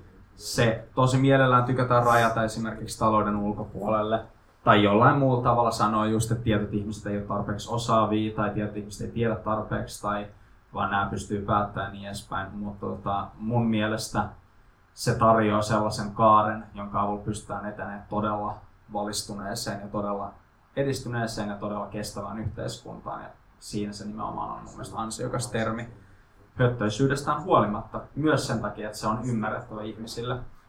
Ja viimeisen lyhyen kommentin ajasta ja kiinnostuksesta. Se, että jos ihmiset ei käytä aikaa omien, omien, päätöstä, omien elämänsä asioiden ja omaa, niin kuin omia asioitaan koskeviin päätöksiin, jos he ei käytä sitä aikaa, niin silloin sen ajan käyttää joku muu. Ja se taas tarkoittaa sitä, että joku muu päättää ihmisten asioista. Ja tämä jostain syystä demokraattisessa päätöksenteossa nostetaan aina esiin. Siinä unohdetaan se byrokratia, se kokousten, se säätämisen määrä, mitä jo nyt vaaditaan, mikä on vaan kasa, kasattu tavallaan tietyille tahoille samalla kun se päätöksentekovalta on kasattu tietyille tahoille. Ja se, mä itse vastustan yhteiskuntaluokkia, sellaista yhteiskuntaa, jos toisella ihmisellä on suuri valta toisten ihmisten elämän yli, niin mun mielestä se pitää vaan olla myöskin johdonmukainen tavoite, että ihmiset sit käyttää sitä aikaansa omista asioista päättämiseen. Ja mä myös on skeptinen sen suhteen, eikö ihmiset olisi kykeneväisiä siihen, koska esimerkiksi jos ihmiset miettii jotain autonostoa tai remonttia tai matkaa, missä kaikissa ravintoloissa ne käy, tai millaisia nähtävyyksiä ne haluaa nähdä, tai mitä synttärilahjoja ne ostaa, tai ties mitä todella yksityiskohtaisia urheiluharrastustulokset, ne seuraa jotain joukkueita ja niiden pelaajien tilastoja, meikkaaminen, mitä ne ihmiset tietää kaiken maailman niin kuin, jutut, mitä siihen tarvitaan ruoanlaittoharrastuksesta, mutta ihmiset on todella kykeneväisiä ja todella niin kuin äärimmäisen taitavia mun kokemuksen mukaan niin organisoimaan oman elämänsä liittyviä asioita. Ja mun mielestä se on keinotekoinen se rajaveto, että me tullaan sanoa, että no ne ei jaksaisi äänestää, Uh, mä väitän, että se ei ole ihmisten vika, vaan se on sen poliittisen järjestelmän vika, joka ei tarjoa todellista merkityksellistä päätösvaltaa. Kiitos paljon. Ota tästä vaan suoraan, Antti. Jo, joo, ehkä kaksi pointtia. Ensinnäkin, mielestäni nämä esimerkit jokapäiväisestä kommunismista on tietysti hyviä ja meidän on hyvä pitää niitä esillä. Esimerkiksi just miten ihmiset toimii niiden ystävien ja oman perheen kanssa ja auttaa monin eri tavoin ilman mitään välitöntä vastiketta, mutta siltikin toisaalta kannattaa pitää, pitää pitää mielessä myös se, että nämä on oikeastaan asioita, mitä kukaan ei vastusta, eikä ole asioita, mitä niin kapitalismin tai kannattajien kanssa oikeastaan niin kuin saisi aikaan jotain varsinaista erimielisyyttä. Et, et, mutta et oikeastaan vaikeat kysymykset alkaa sitten näiden kaikkien hyväksymien esimerkkien ulkopuolella ulkopuolella ikävä kyllä. Mutta tietysti näitä, että ihmisille ylipäätänsä voisi selittää, mitä, mitä kommunismi on, niin tarvitaan näiden, näitä kaikkien niin kuin jokapäiväisessä elämässä tuttuja esimerkkejä myös. Sitten se, että kommunismi on ilman muuta suunnitelmatalous, Ymmärrän, se voi olla niin kuin desentralisoitu suunnitelmatalous tai centralisoitu, mutta ei ole mahdollista. En usko, että on mahdollista niin kuin keksiä jotain sellaista sampoa taikaseinää, joka sitten ratkaisisi nämä kaikki niikkuuden ongelmat. On pakko suunnitella, suunnitella asioita jollakin tavalla. Tässä suhteessa kommunismi ei eroa osallisuustaloudesta. Eikä myöskään siinä suhteessa, että kommunismi on ilman muuta myös demokraattinen suunnitelmatalous, koska tietystikin talousjärjestelmä, joka ei ole demokraattinen, niin sitten väistämättä sitten johtaa siihen, että niillä se valta on, millä sitten keskittyy myös omaisuus. Ja se on tietystikin niin kuin ilman muuta anarkistia ykköspointti, että ei voi niin kuin valtajärjestelmää ja talousjärjestelmää, tai poliittista ja taloudellista järjestelmää ei voi erotella toisistaan, ja se on alun perin ollut marksisteillekin itsestään selvää, mutta sitten jossain välissä siinä välillä pääsi unohtumaan. Mutta, mutta että, ja se on myös tietysti vaikeus, että itse en, okei, okay, mä oon ehkä tällä tavalla inhorealistinen anarkisti, että mä en niin kuin, usko, että siellä kokouksissa on aina niin kuin, tosi kivaa, kun siellä sitten suunnitellaan sitä, että mitä sitten, sitten kollektiivi kuluttaja tuottaa seuraavan viikon tai kuukauden tai, tai vuoden aikana. Aikana. Mutta se on tavallaan sitten se hinta, mitä niin kun pitää olla valmis maksamaan, jos haluaa jatkaa täällä planeetalla elämistä. Ja, ja ehkä niin myös yksi tapa jaotella nämä niin valit on se, että, että luvataanko, että tulee vähemmän töitä vai luvataanko, että tulee tulevaisuudessa enemmän töitä. Niin se on, on niin kuin, sitä on, ja se jakolinja menee yleensä niin kuin kaikkien aatteiden ehkä sisällä eikä niinkään, niinkään niiden välissä, mutta itse on sitä mieltä, että, että, että se, että niin kuin asiat oikeasti pystyisi tuottamaan sillä tavalla, että toisaalta luonnonvaroja ei, ei, ei kulutetaisi liikaa ja toisaalta nois myös ilmassa, niin se kyllä sitä edellyttää myös, myös aika paljon enemmän työtä. Mutta siitä, että sitten tarvitaanko siihen niin kuin abstraktia yksikköä esimerkiksi, että okei, toisaalta hiilidioksiditonni ja hiilidioksiditonni ekvivalentti, se ei ole abstrakti yksikkö, se on täysin niin kuin materiaalinen yksikkö ja nimenomaan niin kuin materiaalisiin yksikköihin liittyy tämä maailman tuhoutuminen eikä johonkin niin kuin ajatusten ja, ja käsitteiden niin kuin virtaan. Ja sitten, ja sitten toisaalta, että en ole vakuuttunut siitä, tarvitaan abstraktimittaus, abstrakteja niin kuin mittaamisen tapoja, mutta sitten toisaalta vaikka olisi olemassa jotain tällaisia abstraktia mittaa, mittojen tapoja, jotka tekisivät asioista sitten enemmän yhteismitallisia, mikä on aina niin kuin tämä kapitalismin puolustajan argumentti, että raha on niin kätevä, kun kaikki asiat voidaan mitata rahassa, vaikka tietysti me tiedetään, että on, on miljoonia asioita, joita ei voi mitata rahassa, mutta kapitalismin kannattajat väittää, että näin olisi. Mutta se, että on tällainen mittayksikkö, niin se ei tietenkään vielä tarkoita sitä, että oltaisiin taloudessa tai raha, taloudessa, koska sitten tämä mittayksikön ei ole pakko olla se, mitä niin kuin jaetaan ihmisille, ole ne sitten tekee ne päätökset. Se voi olla pelkästään niin kuin tällainen mekaaninen taloudellisen suunnittelun tapa, että siellä on tosiaan mun erimielisyys osallisuustalouden kanssa, että en ole vakuuttunut siihen, että sitten pitäisi asioita säännöstellä sen niin kuin joidenkin tällaisten yksiköiden avulla, että, että niitä riittäisi, mutta se on tietysti niin kuin asia, joka jää mun todistettavaksi. Hienoa, kiitos Anna pyysi puheenvuoro. Te viette tätä keskustelua hienosti tuota, Mä taas kommentoin kumpaakin, mutta nyt lyhyemmin kuin äsken. Mä en äsken sanonut, että ihmiset ei olisi kykeneviä päätöksentekoon tai itseään koskevaan päätöksentekoon, mutta olisin voinut sanoa niinkin. Koska ihan oikeasti mä työkseni päätän pelkästään niin pienen Suomen valtakunnan tason laeista, joka on pienen pieni osa kaikista ihmisten elämään vaikuttavista päätöksistä. Ja siinä yksistään on niin kova homma, että mä en lue suurta osaa niistä, niistä asiakirjoista, joista mä päätän. Siellä mä vaan painella nappia sen mukaan, miten joku mun kollega, joka on perehtynyt asiaan, niin sanoo.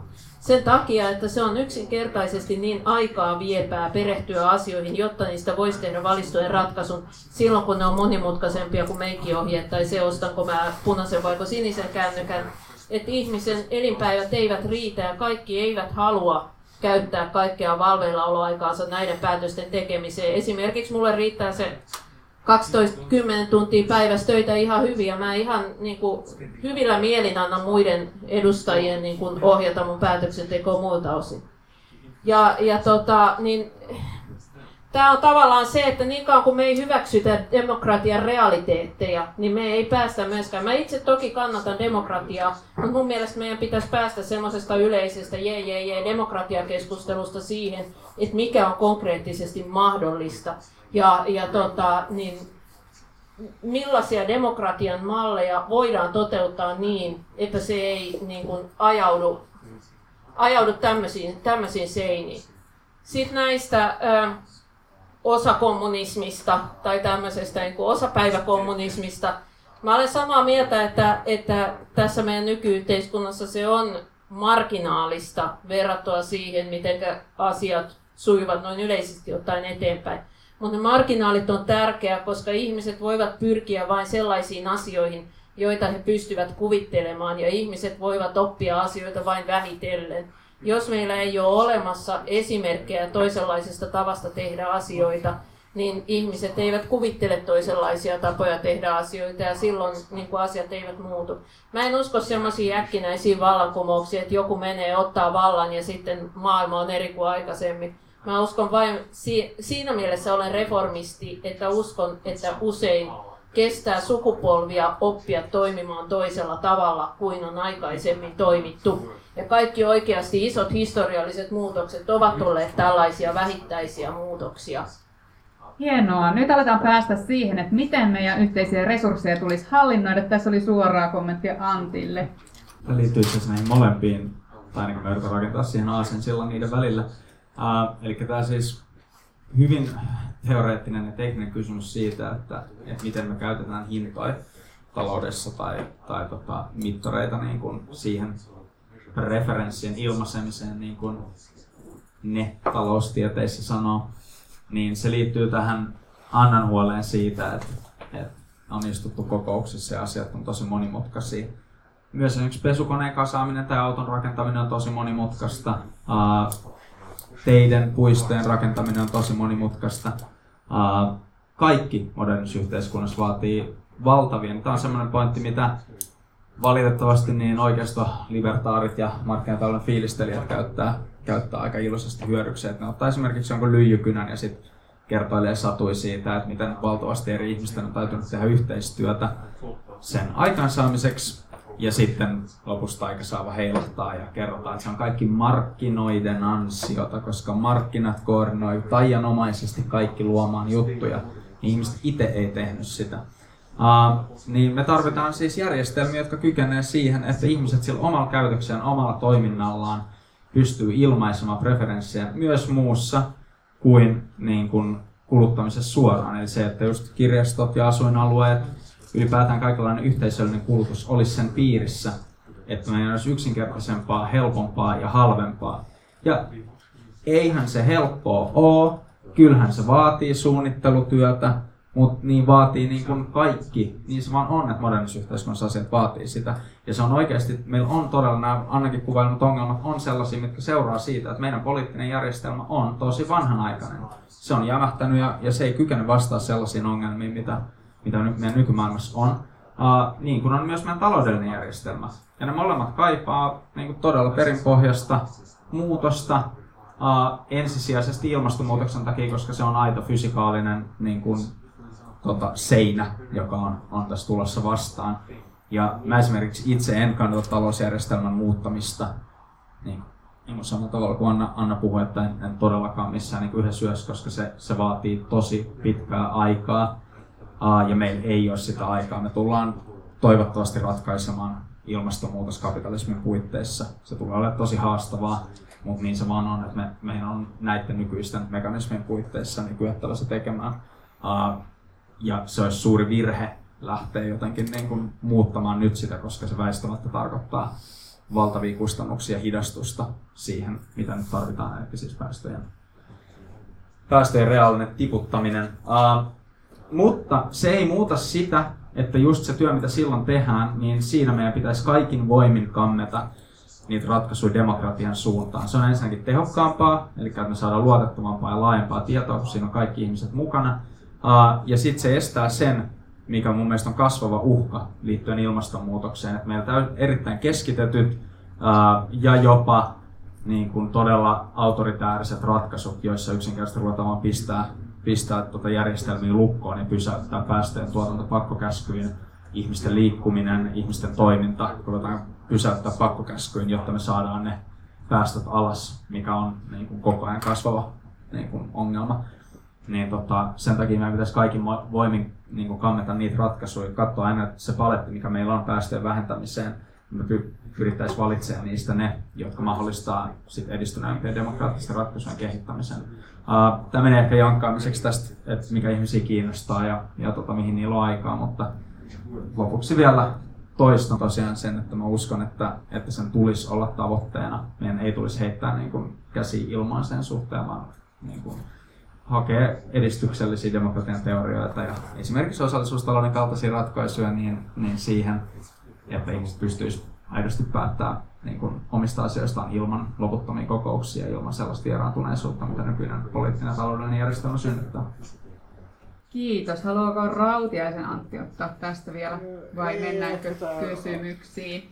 No täällä palan halusta jo päästä provosoimaan teitä ja tässä, tässä itse asiassa tapahtui jo äh, hyvää, hyvää steppiä eteenpäin. Saatit vahvan position äh, Antti nyt, että et, äh, tämä meidän niin kun, ilmasto- ja ekokatastrofien tilanne edellyttää sitä, että et nyt mennään tällä kapitalismilla eikä vilkuilla muualle, koska se on tehokkaampaa.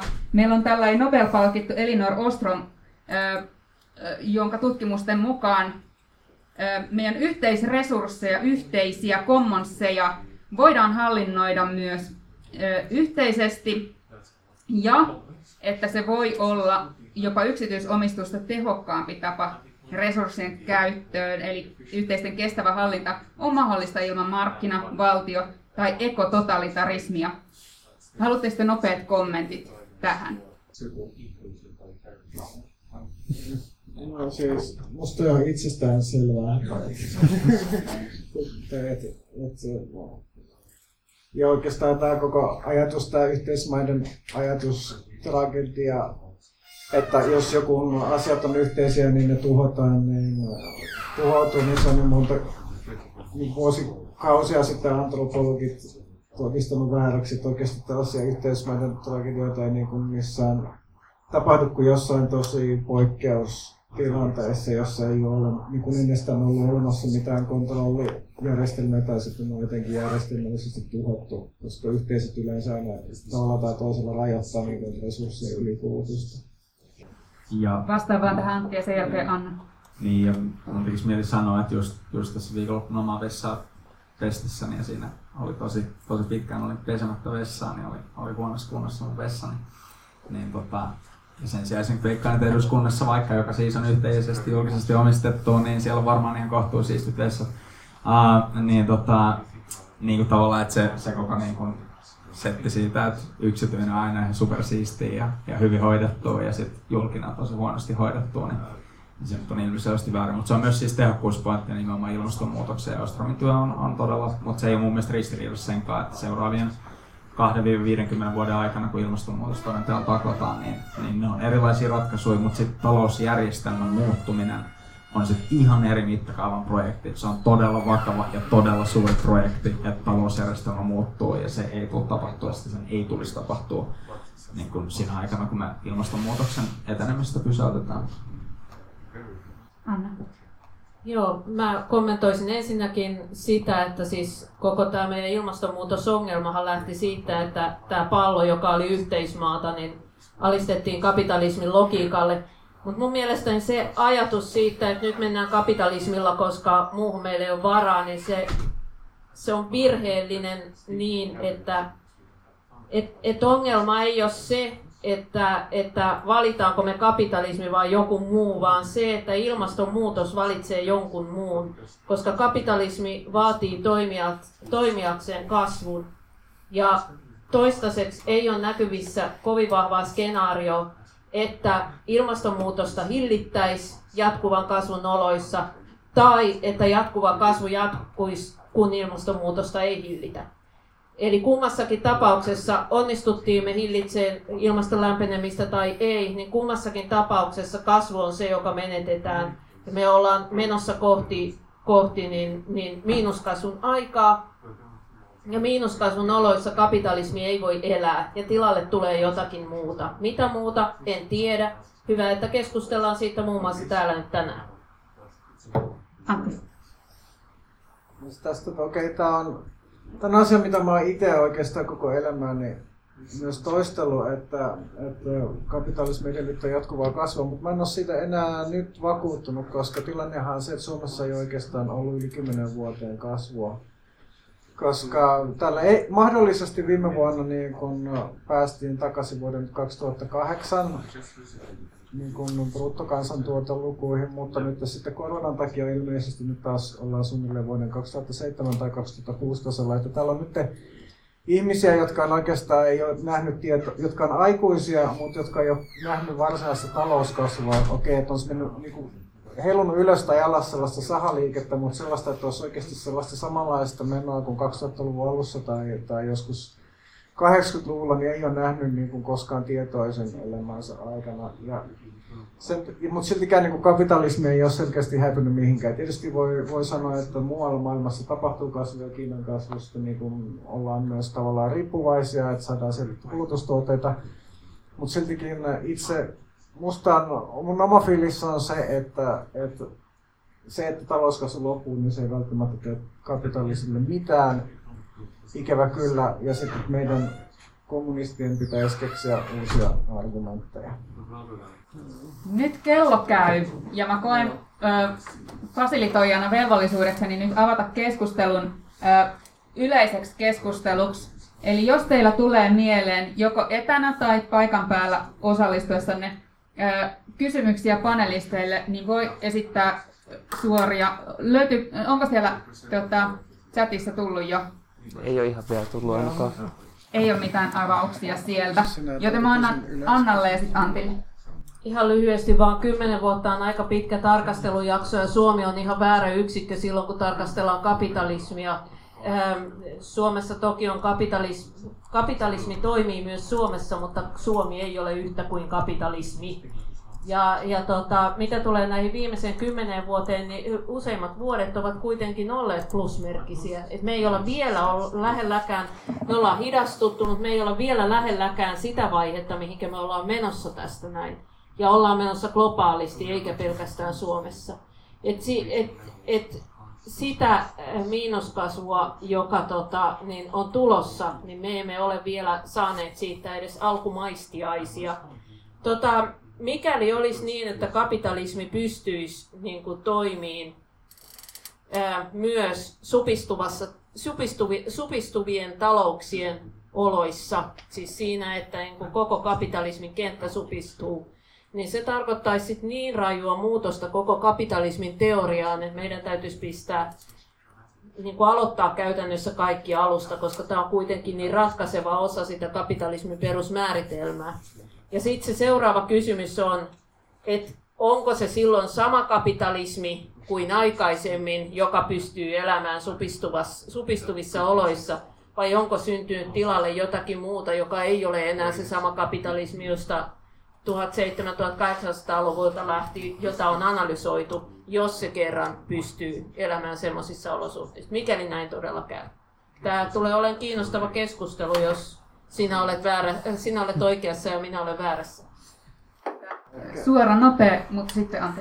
eli siis, mutta kapitalismihan on jo muuttunut täysin monta kertaa. Ja primitiivinen akkumulaatio on täysin eri asia kuin Fordismi ja sitten nykyinen jälkiteollinen kapitalismi on ihan eri asia kuin eri asia kuin, kuin Fordismi, että okei, että näissä tietysti kaikissa oli aikanaan kasvu, mutta kuitenkin kapitalismi on nimenomaan luonteenomaista se, että se pystyy itse, ikään kuin itse tuhoutumaan, itse, itse tuhoamaan itsensä ja muuttamaan itse itsensä täysin ilman, että sitten kuitenkaan loppujen mutta kuitenkin niin, että koko niin kuin perusstruktuuri pysyy samana. Että se on kapitalismi täysin tyypillistä, että se niin kuin, ikään kuin näihin sen omiin kriiseihin vastaa muuttumalla täysin, mutta silti pysyy edelleenkin hengissä.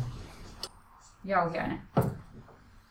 No, aika lyhyesti kommentoin siis. Äh, kapitalismi on tavallaan kirjanpidollinen kikka, joka oikeuttaa, oikeuttaa vallan käytön sitten niin kuin eri yhteisöjä kohtaan. Eli osa ihmisistä saa ihmisten yhteisöistä, niin saa kirjanpidon avulla vallan päättää jostain niin kuin resurssien käytöstä ja toisten ihmisten yli. Uh, ja mäkin olen toisen Antin lailla niin skeptinen sen suhteen, etteikö kapitalismi oikein hyvin pystyy elämään erityyppisten kasvojen, myös negatiivisten kasvojen muiden aikana.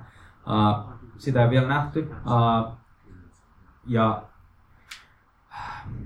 tässä mun tulee siis pakko sanoa tämmöinen selkärankareaktio, että, että niin varhaisilla kristityillä liikkeillä ja kapitalismin kriitikoilla on sellaista yhteistä, että se on jatkuva puhe siitä, että nyt on edessä se hetki, kun tapahtuu jotain tosi niin kuin ratkaisevaa niin liittyen vaikka just kapitalismin romahdukseen, niin mä, mä oon jotenkin niin kuin skeptinen sen suhteen. Mä oon kans kyyninen ja niin kuin varuilla, niin mä jotenkin uskon, että kapitalismi tulee niin kuin olemaan, jollei sitä pysäytetä, niin kaiken maailman oloissa läsnä, kunnes niin kuin se vielä myy viimeisellä hautalapionsakin. Niin, tota, ää, niin sen takia se tavallaan, että se, se kasvu kirjanpidollisesti voi niin kuin jatkuu mitä vaan. Se, mikä ei voi jatkuu, on luonnonvarojen käyttö. Se, mikä ei voi kasvaa, on päästöjen kasvu. Niiden suhteen tulee tavalla tai toisella stoppi. Se on fysikaalinen niin kuin fakta. Se voi tapahtua tosi monella tavalla. Mutta sitten tämä talousteoreettinen kysymys siitä, niin se niin kuin, on vähän oma keskustelunsa, mutta, mutta mä en niin kuin semmoisen kapitalismin itsetuhoisaan luonteeseen oikein ole vakuuttunut siitä.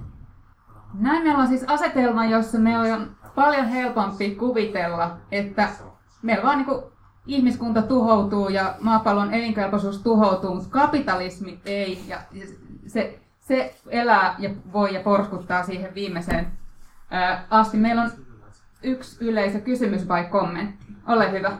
Joo, kiitos. Tota, ähm, tämmöinen kysymys, että puhuttiin siitä demokratiatermin käytöstä tuossa punapaitaisen Antin puheenvuorossa.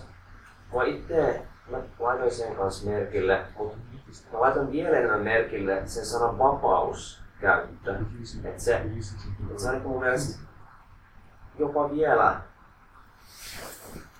mä jäin siitä kaipaamaan lisätietoja. Sitten tähän liittyen, tämä liittyy samaan, ää, yhtään liikaa painostamatta yhteen ihmistä, mutta sitten mainitsit myös sen, että, että meillä on ihmisiä, jotka ei ole nähnyt kasvua. Ei ole, mä sanoisin tähän aikaisempaan pointtiin liittyen, että he ei ole nähnyt niin kansantaloudellista kasvua, mutta he on voinut nähdä henkilökohtaista taloudellista kasvua. Ja mitä nämä kaksi liittyy toisiinsa on niin, että et, et tässä keskittää niin makrotaloudellisiin asioihin ja mä koen, että et se, se, se, siinä, siinä voidaan mennä yli siinä, että miettiikö ihmiset oikeasti, kuinka paljon ihmiset miettii makrotaloutta, mä koen, että ihmiset haluaa olla vapaita. Ja siihen niin kuin, mä itse tunnen tiettyä vetoa kapitalismia kohtaan siinä, että, niin kuin, että se, että se voi mahdollistaa tiettyä vapautta valita. Ja sitten tietenkin tämä koko paketti liittyy demokratian käsitteeseen, eli siihen, että haluanko mä antaa joidenkin muiden päättää mun puolesta asioista, kun mä oon saattanut perehtyä niihin asioihin paremmin. Eli jos tästä saa mitään selvää, niin toi oli se mun ajatuksen jossain. Kiitos tosi paljon. Jos mä ymmärsin oikein, niin Jauhiaiselle osoitettu ainakin tämä vapaus ää, kysymys. Joo, melkein tekisi mieli mainostaa tässä, että on tuon Joona Hermanni Mäkisen kanssa kirjoittanut sellaisen kirjan kuin hyvinvointivaltion vastaajus kanssa. Parinkymmenen sivun verran referoidaan meidän keskusteluita no, Johnskin kanssa tuosta vapaustermistä ja, ja tota, siinä vähän läpikäydään sitä, että, että mikä just ongelmia siinä on, että kun se voi tarkoittaa kelle tahansa, niin mitä tahansa, mutta mitä, miten se sitten tulisi määritellä se, mistä sä puhut, ihmisen henkinen kasvu, niin se on yksi oleellisimpia niin kuin konkreettisia vapauden määritelmiä, se, että jokainen ihminen pystyisi kehittymään täyteen luovaan potentiaaliinsa ja, ja tota, ilman, että toiset ihmiset määrittelee sitä. Mutta sekin on tietysti tosi monimutkainen konsepti sitten. Tota, uh, mutta siis tavoitteena se on, on oleellinen ja siinä se niin kuin ristikkäisten vapauksien käsite se, että jos toiset ihmiset pystyy määrittämään, oli se niin kuin argumentti mikä tahansa, sehän voi olla raha, se voi olla asiantuntemus, se voi olla mikä vaan, toinen se voi olla karisma. Että toinen ihminen marssii paikalle ja sanoo, että kyllä minä tiedän tämän jutun paremmin kuin sinä.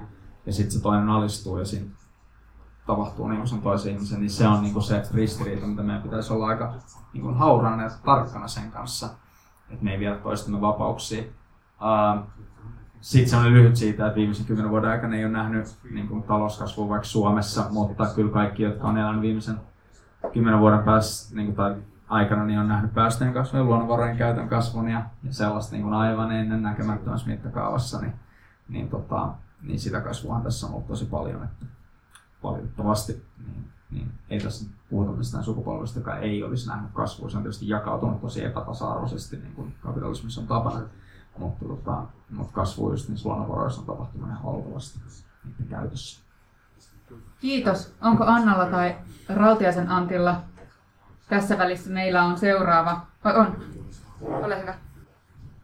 Mä vaan sanoisin lyhyesti, että vapaus on myös sen takia, että sitä on käytetty niin paljon niin pitkään, niin se on samalla lailla kuin demokratia käsite, josta mä mieluusti puhuisin konkreettisesti jossakin tietyssä yhteydessä, niin aika monet siihen liittyvät määrittely- ja ymmärrysongelmat ratkeaa sitä kautta, koska ne on, vapaus on asia, jota ihmiset yleensä kuitenkin niin kuin yleisellä tasolla kaikki kannattaa.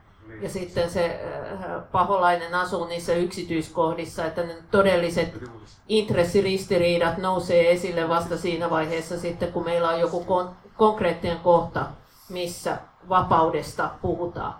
Ja tota, tähän liittyen myös tämä valtiokäsite, joka tässä kummittelee, niin mun mielestäni se, mikä on tässä hyvinvointivaltioajattelussa usein unohtuu, unohtuu on se, että valtio, tai siis sitä ei niin kuin hahmoteta, että se valtio, joka antaa meille paljon hyvää ja joka on antaa, antaa niin kuin ihmisten kouluttautua ja, ja perustarpeet tyydyttää ja näin on myös kontrollikoneisto, joka samanaikaisesti, kun siihen liittyy paljon vapautta lisääviä hyviä asioita, myös tuottaa, äh, tuottaa kontrollia ja vapautta vähentäviä asioita. Ja että suurin osa rakenteista toimii tällä samalla lailla ja että ne pitää vaan niin kuin tiedostaa ja tunnistaa ja, ja niin kuin suhtautua. No ehkä tämä yleisö sen nyt tietääkin, että ei täällä tarvitse, mutta ehkä...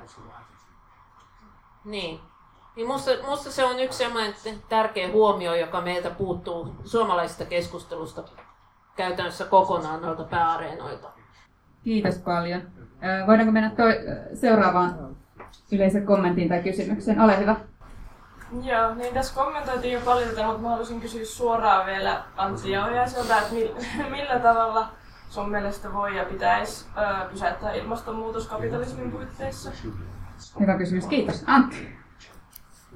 Kontittomalla kapitalismiin kaikissa tavalla suhtautumalla siis kapitalismin äärimmäisen kriittisesti ja luomalla esimerkiksi sitovia päästörajoja, eli poliittisen keinoin asettaa niille markkinoille niin tietyt rajat. Ja sitten uh, joko päästökaupan tai erilaisen päästöverotuksen turvin niin sit niissä rajoissa, mutta siksi me tarvittaisiin niin kun kapitalismi on tosi nälkäinen sen kasvun suhteen ja tosi heikko hinnoittelee niitä ongelmia, niin silloin esimerkiksi päästöille, jos me asetettaisiin niin kun sitovat rajat ja me tarkkailtaisiin niissä kaikissa kymmenissä eri, eri tuota, pisteissä maailmaa. Nykyään päästä pystytään siis satelliitilla aika tarkkaan mittaamaan, että kuinka paljon eri alueilla tulee. Korona-aikana me seurattiin tieliikennettä esimerkiksi Helsingissä pois ja, ja Uudellamaalla pois ja takaisin ja niin edespäin. Niin sellaisia rajoitteita tässä tarvittaisiin niin kuin eri tavoin myös tuotantoon. Niin, tota, ja sitten luoda verotuksellisia työkaluja siihen, että sellaiset tota, tuotteet, jotka niin kuin lähtökohtaisesti aiheuttaa keskimäärin huomattavasti enemmän päästö, päästöjä kuin niiden vaihtoehdot, kuten esimerkiksi julkinen liike tuottaa keskimäärin vähemmän päästöjä kuin yksityinen liikenne. Ää, tota, lihatuotanto tuottaa keskimäärin paljon vähemmän päästöjä kuin kasvistuotanto ja, ja näin edespäin. Niin sitten siinä verotuksellisin keinon lyötäisiin kiilaa siihen, että sitä hidastettaisiin. Mutta tota, ää, mut se koko talousjärjestelmän vaihtaminen, niin tota, no, mä oon silleen, mitä mä sanoisin, niin kun, ää, nöyrä talousjärjestelmä. Talousjärjestelmän vaihtaminen on niin valtava projekti. Se on oikeasti tosi iso juttu se talousjärjestelmä. Et, et, tota, ja sitten mä haluan olla myös johdonmukainen siinä, että niin kauan kuin meillä on yksityistä pääomaa, niin kauan kuin meillä on yksityistä pääomaa, jota on valtaosa maailman pääomasta ja näin edespäin, niin joka tosin nyt korona-aika vähän taas heiluu, kun sitä julkista pääomaa tumpataan sinne niin paljon, mutta sekin muu, muunnetaan siinä samalla tietysti yksityiseksi, niin kyllä se niin kuin, mun mielestä johdonmukaisesti on puhua kapitalismista silloin niin, niin kuin hintasignaali ja muun että se ei se suunnitelma talouttakaan esimerkiksi ole vielä. Kiitos paljon. Hei, otetaan tähän samaan syssyyn. Siellä on etänä tullut kysymys tai kommentti. Pystytkö sen sieltä lukemaan meille? Joo. Joo, se on kysymys. Että tota, mm, tämä on tämmönen, mä, mä luen tämän tästä kokonaan. Tämä on kaikille osoitettu kysymys. Ähm, missä määrin ihmiset voi pakottaa kommunismiin tai sosialismiin? Entä jos demokratian keinoin ei koskaan päästä yhteisymmärrykseen esimerkiksi siitä, että ilmastonmuutoksen torjuntaa ei voi tehdä ilman antikapitalismia? Voiko esimerkiksi väkivaltainen vallankumous olla oikeutettu toimintamuoto planeetan pelastamiseksi, jos ja kun kaikki eivät kuitenkaan tule olemaan samaa mieltä siitä, että kommunismi on oikea tie planeetan pelastamiseksi tuleville sukupolville? Eli tavallaan tämä kysymys, mitä tuossa aikaisemminkin pikkasen sivuttiin, että jos ihmiset haluaa tai ei halua jotain tyhmää, niin miten, mitä sitten tähän? Wow, missähän järjestyksessä haluatte tähän tarttua? Otetaanko Rautiainen, joka ei ole hetken ollut? Siis kommunismi toimijakseen tietysti edellyttää, että sen takana on ihmisten vähintäänkin puolet, ehkä jopa ylivoimainen enemmistö, koska eikä sellainen, koska siis väkivaltakoneisto ja talousjärjestelmä on toisiinsa kytköksissä, että jos on joku pieni vähemmistö, joka sitten määrittelee talouden systeemit, niin tietysti tämä pieni vähemmistö sitten keskittää itselleen myös taloudelliset resurssit niin kuin sitten käytännössä kaikissa näissä ns. reaalisosialistisissa järjestelmissä kävi. En, itse en usko, että tämän ilmastonmuutoksen No, se on niin laaja kysymys, mutta mä en usko, että ongelma on ehkä se, että osa ihmisistä vastustaa, että pikemminkin niin kuin pyritään, ongelma on ehkä se, että vastuu pyritään vierittämään toisaalle ja sitten osa ehkä niin kuin ideologisista syistä vastustaa kaikenlaisia niin kuin kontrollia, ylikansallisia kontrollijärjestelmiä, jotka sitten vastustaisi tämän, mahdollistaisi tällaisen niin kuin institutionaalisen kontrolloinnin, että se on myös laaja kysymys. Mutta, mutta niin kuin sanotaanko lyhyesti, että, niin kuin kommunis, että kommunismi tietysti edellyttää sitä, että ihmisten enemmistö on takana, mutta se, että ihmisten enemmistö on jonkin asian takana ei tietenkään tarkoita sitä, että se vielä menisi itsestään läpi. Että se, mitä valko nyt tapahtuu, on ihan itsestään selvästi se, että siellä niin kuin ihmisten ylivoimainen enemmistö haluaa vallanpitäjästä eroon, mutta presidentti ei suostu lähtemään, ja sitten siellä ollaan jouduttu pattitilanteeseen, niin oikeastaan joka päivä päivältä tulee enemmän, niin kuin vähemmän todennäköiseksi, että siellä niin kuin kansa tulee voittaa tämän tämän äh, vastakkainasettelun, koska aika on tietysti presidentin puolella. Ja sellaisessa tilanteessa mun mielestä tietysti väkivalta on täysin oikeutettua ja suositeltavaa, mutta se on aina niin kuin sellaisella niin kuin todella teoreettisella tasolla. Mua ei kiinnosta sitä asiasta käydä keskustelua, koska, koska niin kuin, ei hyvin vähän ihmisiä, jotka vastustaa väkivaltaa kaikissa mahdollisissa olosuhteissa. Että sitten niin kuin pitäisi olla todella niin kuin konkreettisia esimerkkejä oikeastaan niin kuin melkein reaalimaailman esimerkkejä, että koska sitä niin kuin väkivaltaa on hyväksytty ja käyttää, koska ei. Et, eikä niin kuin, ja tämä kysymyksen asettelu oli ehkä vähän turhan yleisellä tasolla. Kiitos. Joo, sitten Anna. Joo, voisi kysyä, että onko oikein pakottaa ihmisiä syntyyn, syntyyn parlamentaariseen tasavaltaan nimeltä Suomi, ja aika monet meistä on siihen pakotettu kuitenkin.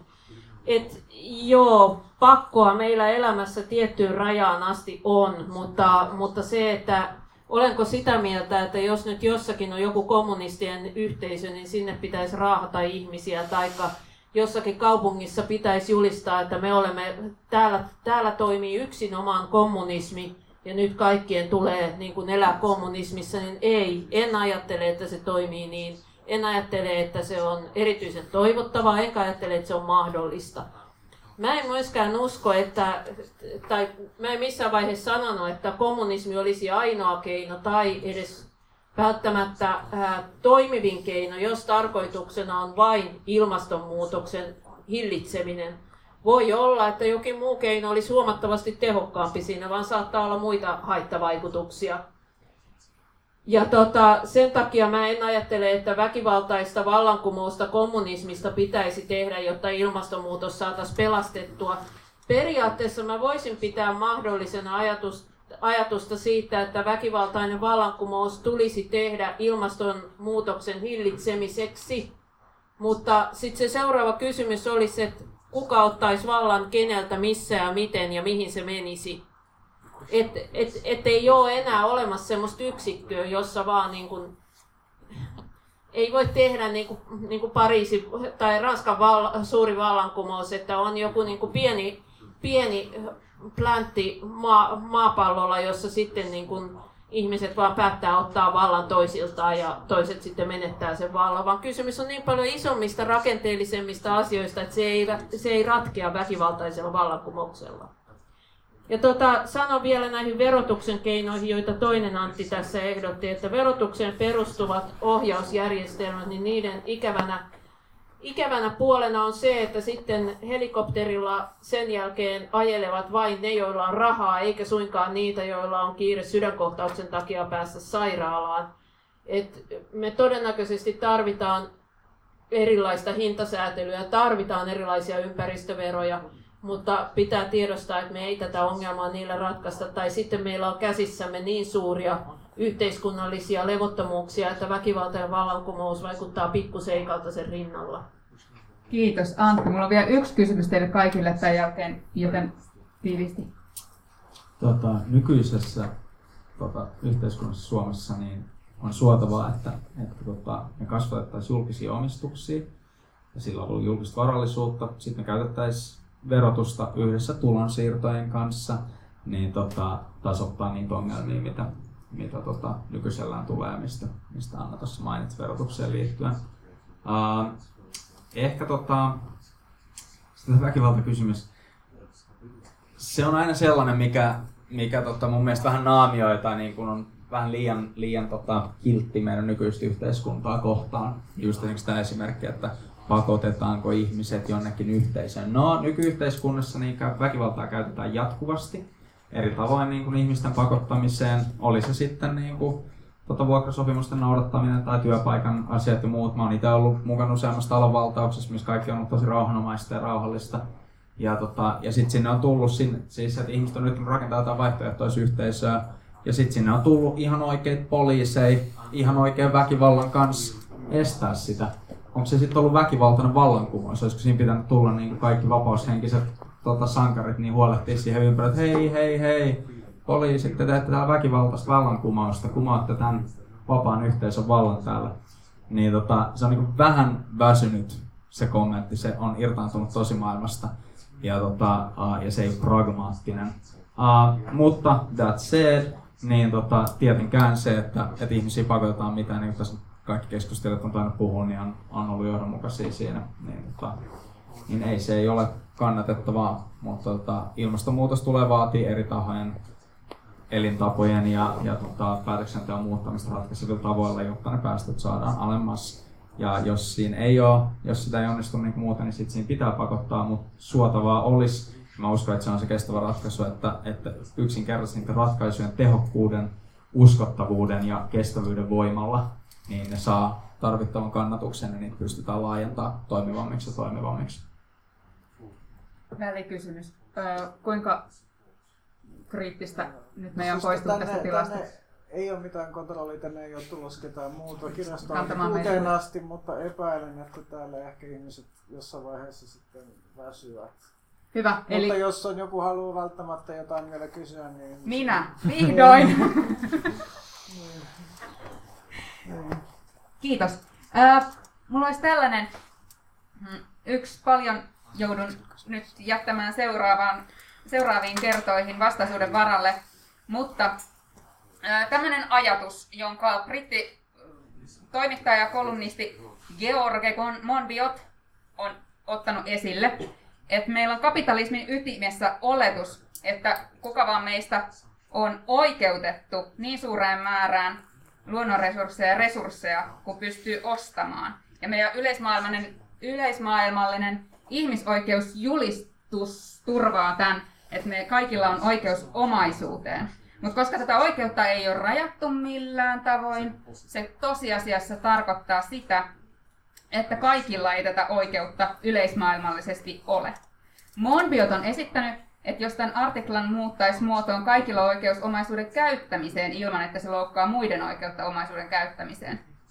Eli ö, pitäisikö meidän ö, ilmastokatastrofin, ö, monimuotoisuustuhon ja muiden meidän akuuttien ongelmien, myös sosiaalisen epäoikeudenmukaisuuden vuoksi lähteä puuttumaan yksityisomistukseen mitä mieltä te olette tästä ehdotuksesta? Ja kierros, nyt ei enää kommentteja, nyt te käytätte teidän viimeiset puheenvuorot.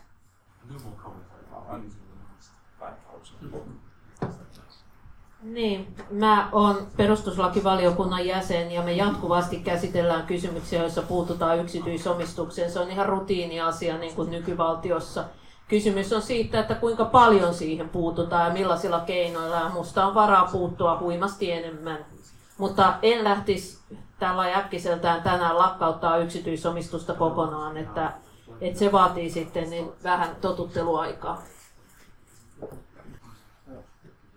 No siis, niin, siis tähän oikeastaan niin kuin se, siis kommunismin tavallaan ratkaisu tähän on oikeastaan käänteinen, että sen, sen sijaan, että puututtaisiin yksityisomis, oma, tai, että rajoitettaisiin, mitä ihmiset kuluttaa, niin päin vastaan niin kuin kaikille annetaan pääsy kaikkeen. Ja sille, mutta tietenkin, ja sitten ajatus on se, että kun ihmiset oikeasti tiedostaa olevansa niin kuin yhteinen yhteisö, tai ainakin ehkä mahdollisesti jossain niin kuin että on use, mahdollisesti useampi yhteisö, mutta jotka kuitenkin asiat on yhteisiä, niin ihmiset sitten käyttää järkevämmin asioita ja kaikki, kaikilla on ainakin niin kuin vakaa tietämys siitä, että, että heillä on pääsy asioihin, että heitä ei niin kuin sysätä, sysätä asioiden ulkopuolelle ja köyhyyteen ja kurjuuteen ja kurjuuteen, että on se niin kuin turvallisuus, joka sitten ehkäisee sen, että pitää pakonomaisesti sitten haalia skeidaa tai, tai kuluttaa asioita et sikäli se niin kun, ehkä se niin kun, kommunistinen ajattelu on vähän niin kuin päinvastainen sillä ajatuksella, että nyt pitää niin kun, jostain hyökätä ja,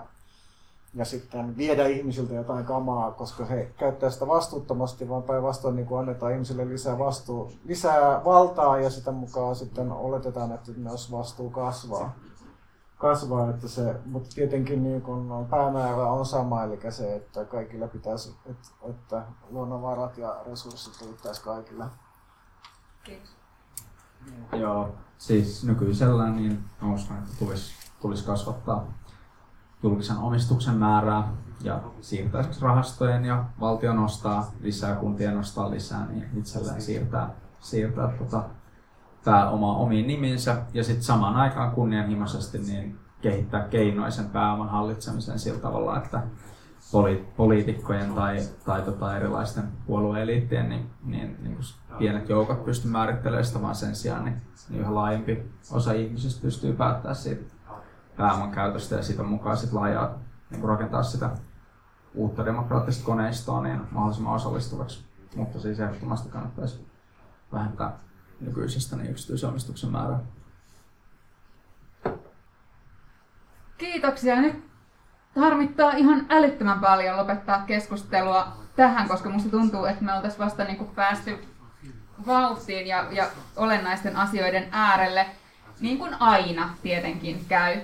Mutta mä toivon, että tämä keskustelu jatkuu. Mä kiitän A-ryhmää äh, siitä, että tämä tilaisuus äh, järjestettiin ja äh, kommunismin peikko ei ollut liian iso sana käsiteltäväksi. Jatketaan tätä keskustelua. Kiitos tosi paljon meidän keskustelijat, kiitos paljon paikalla olijat ja kiitos paljon etäosallistujat.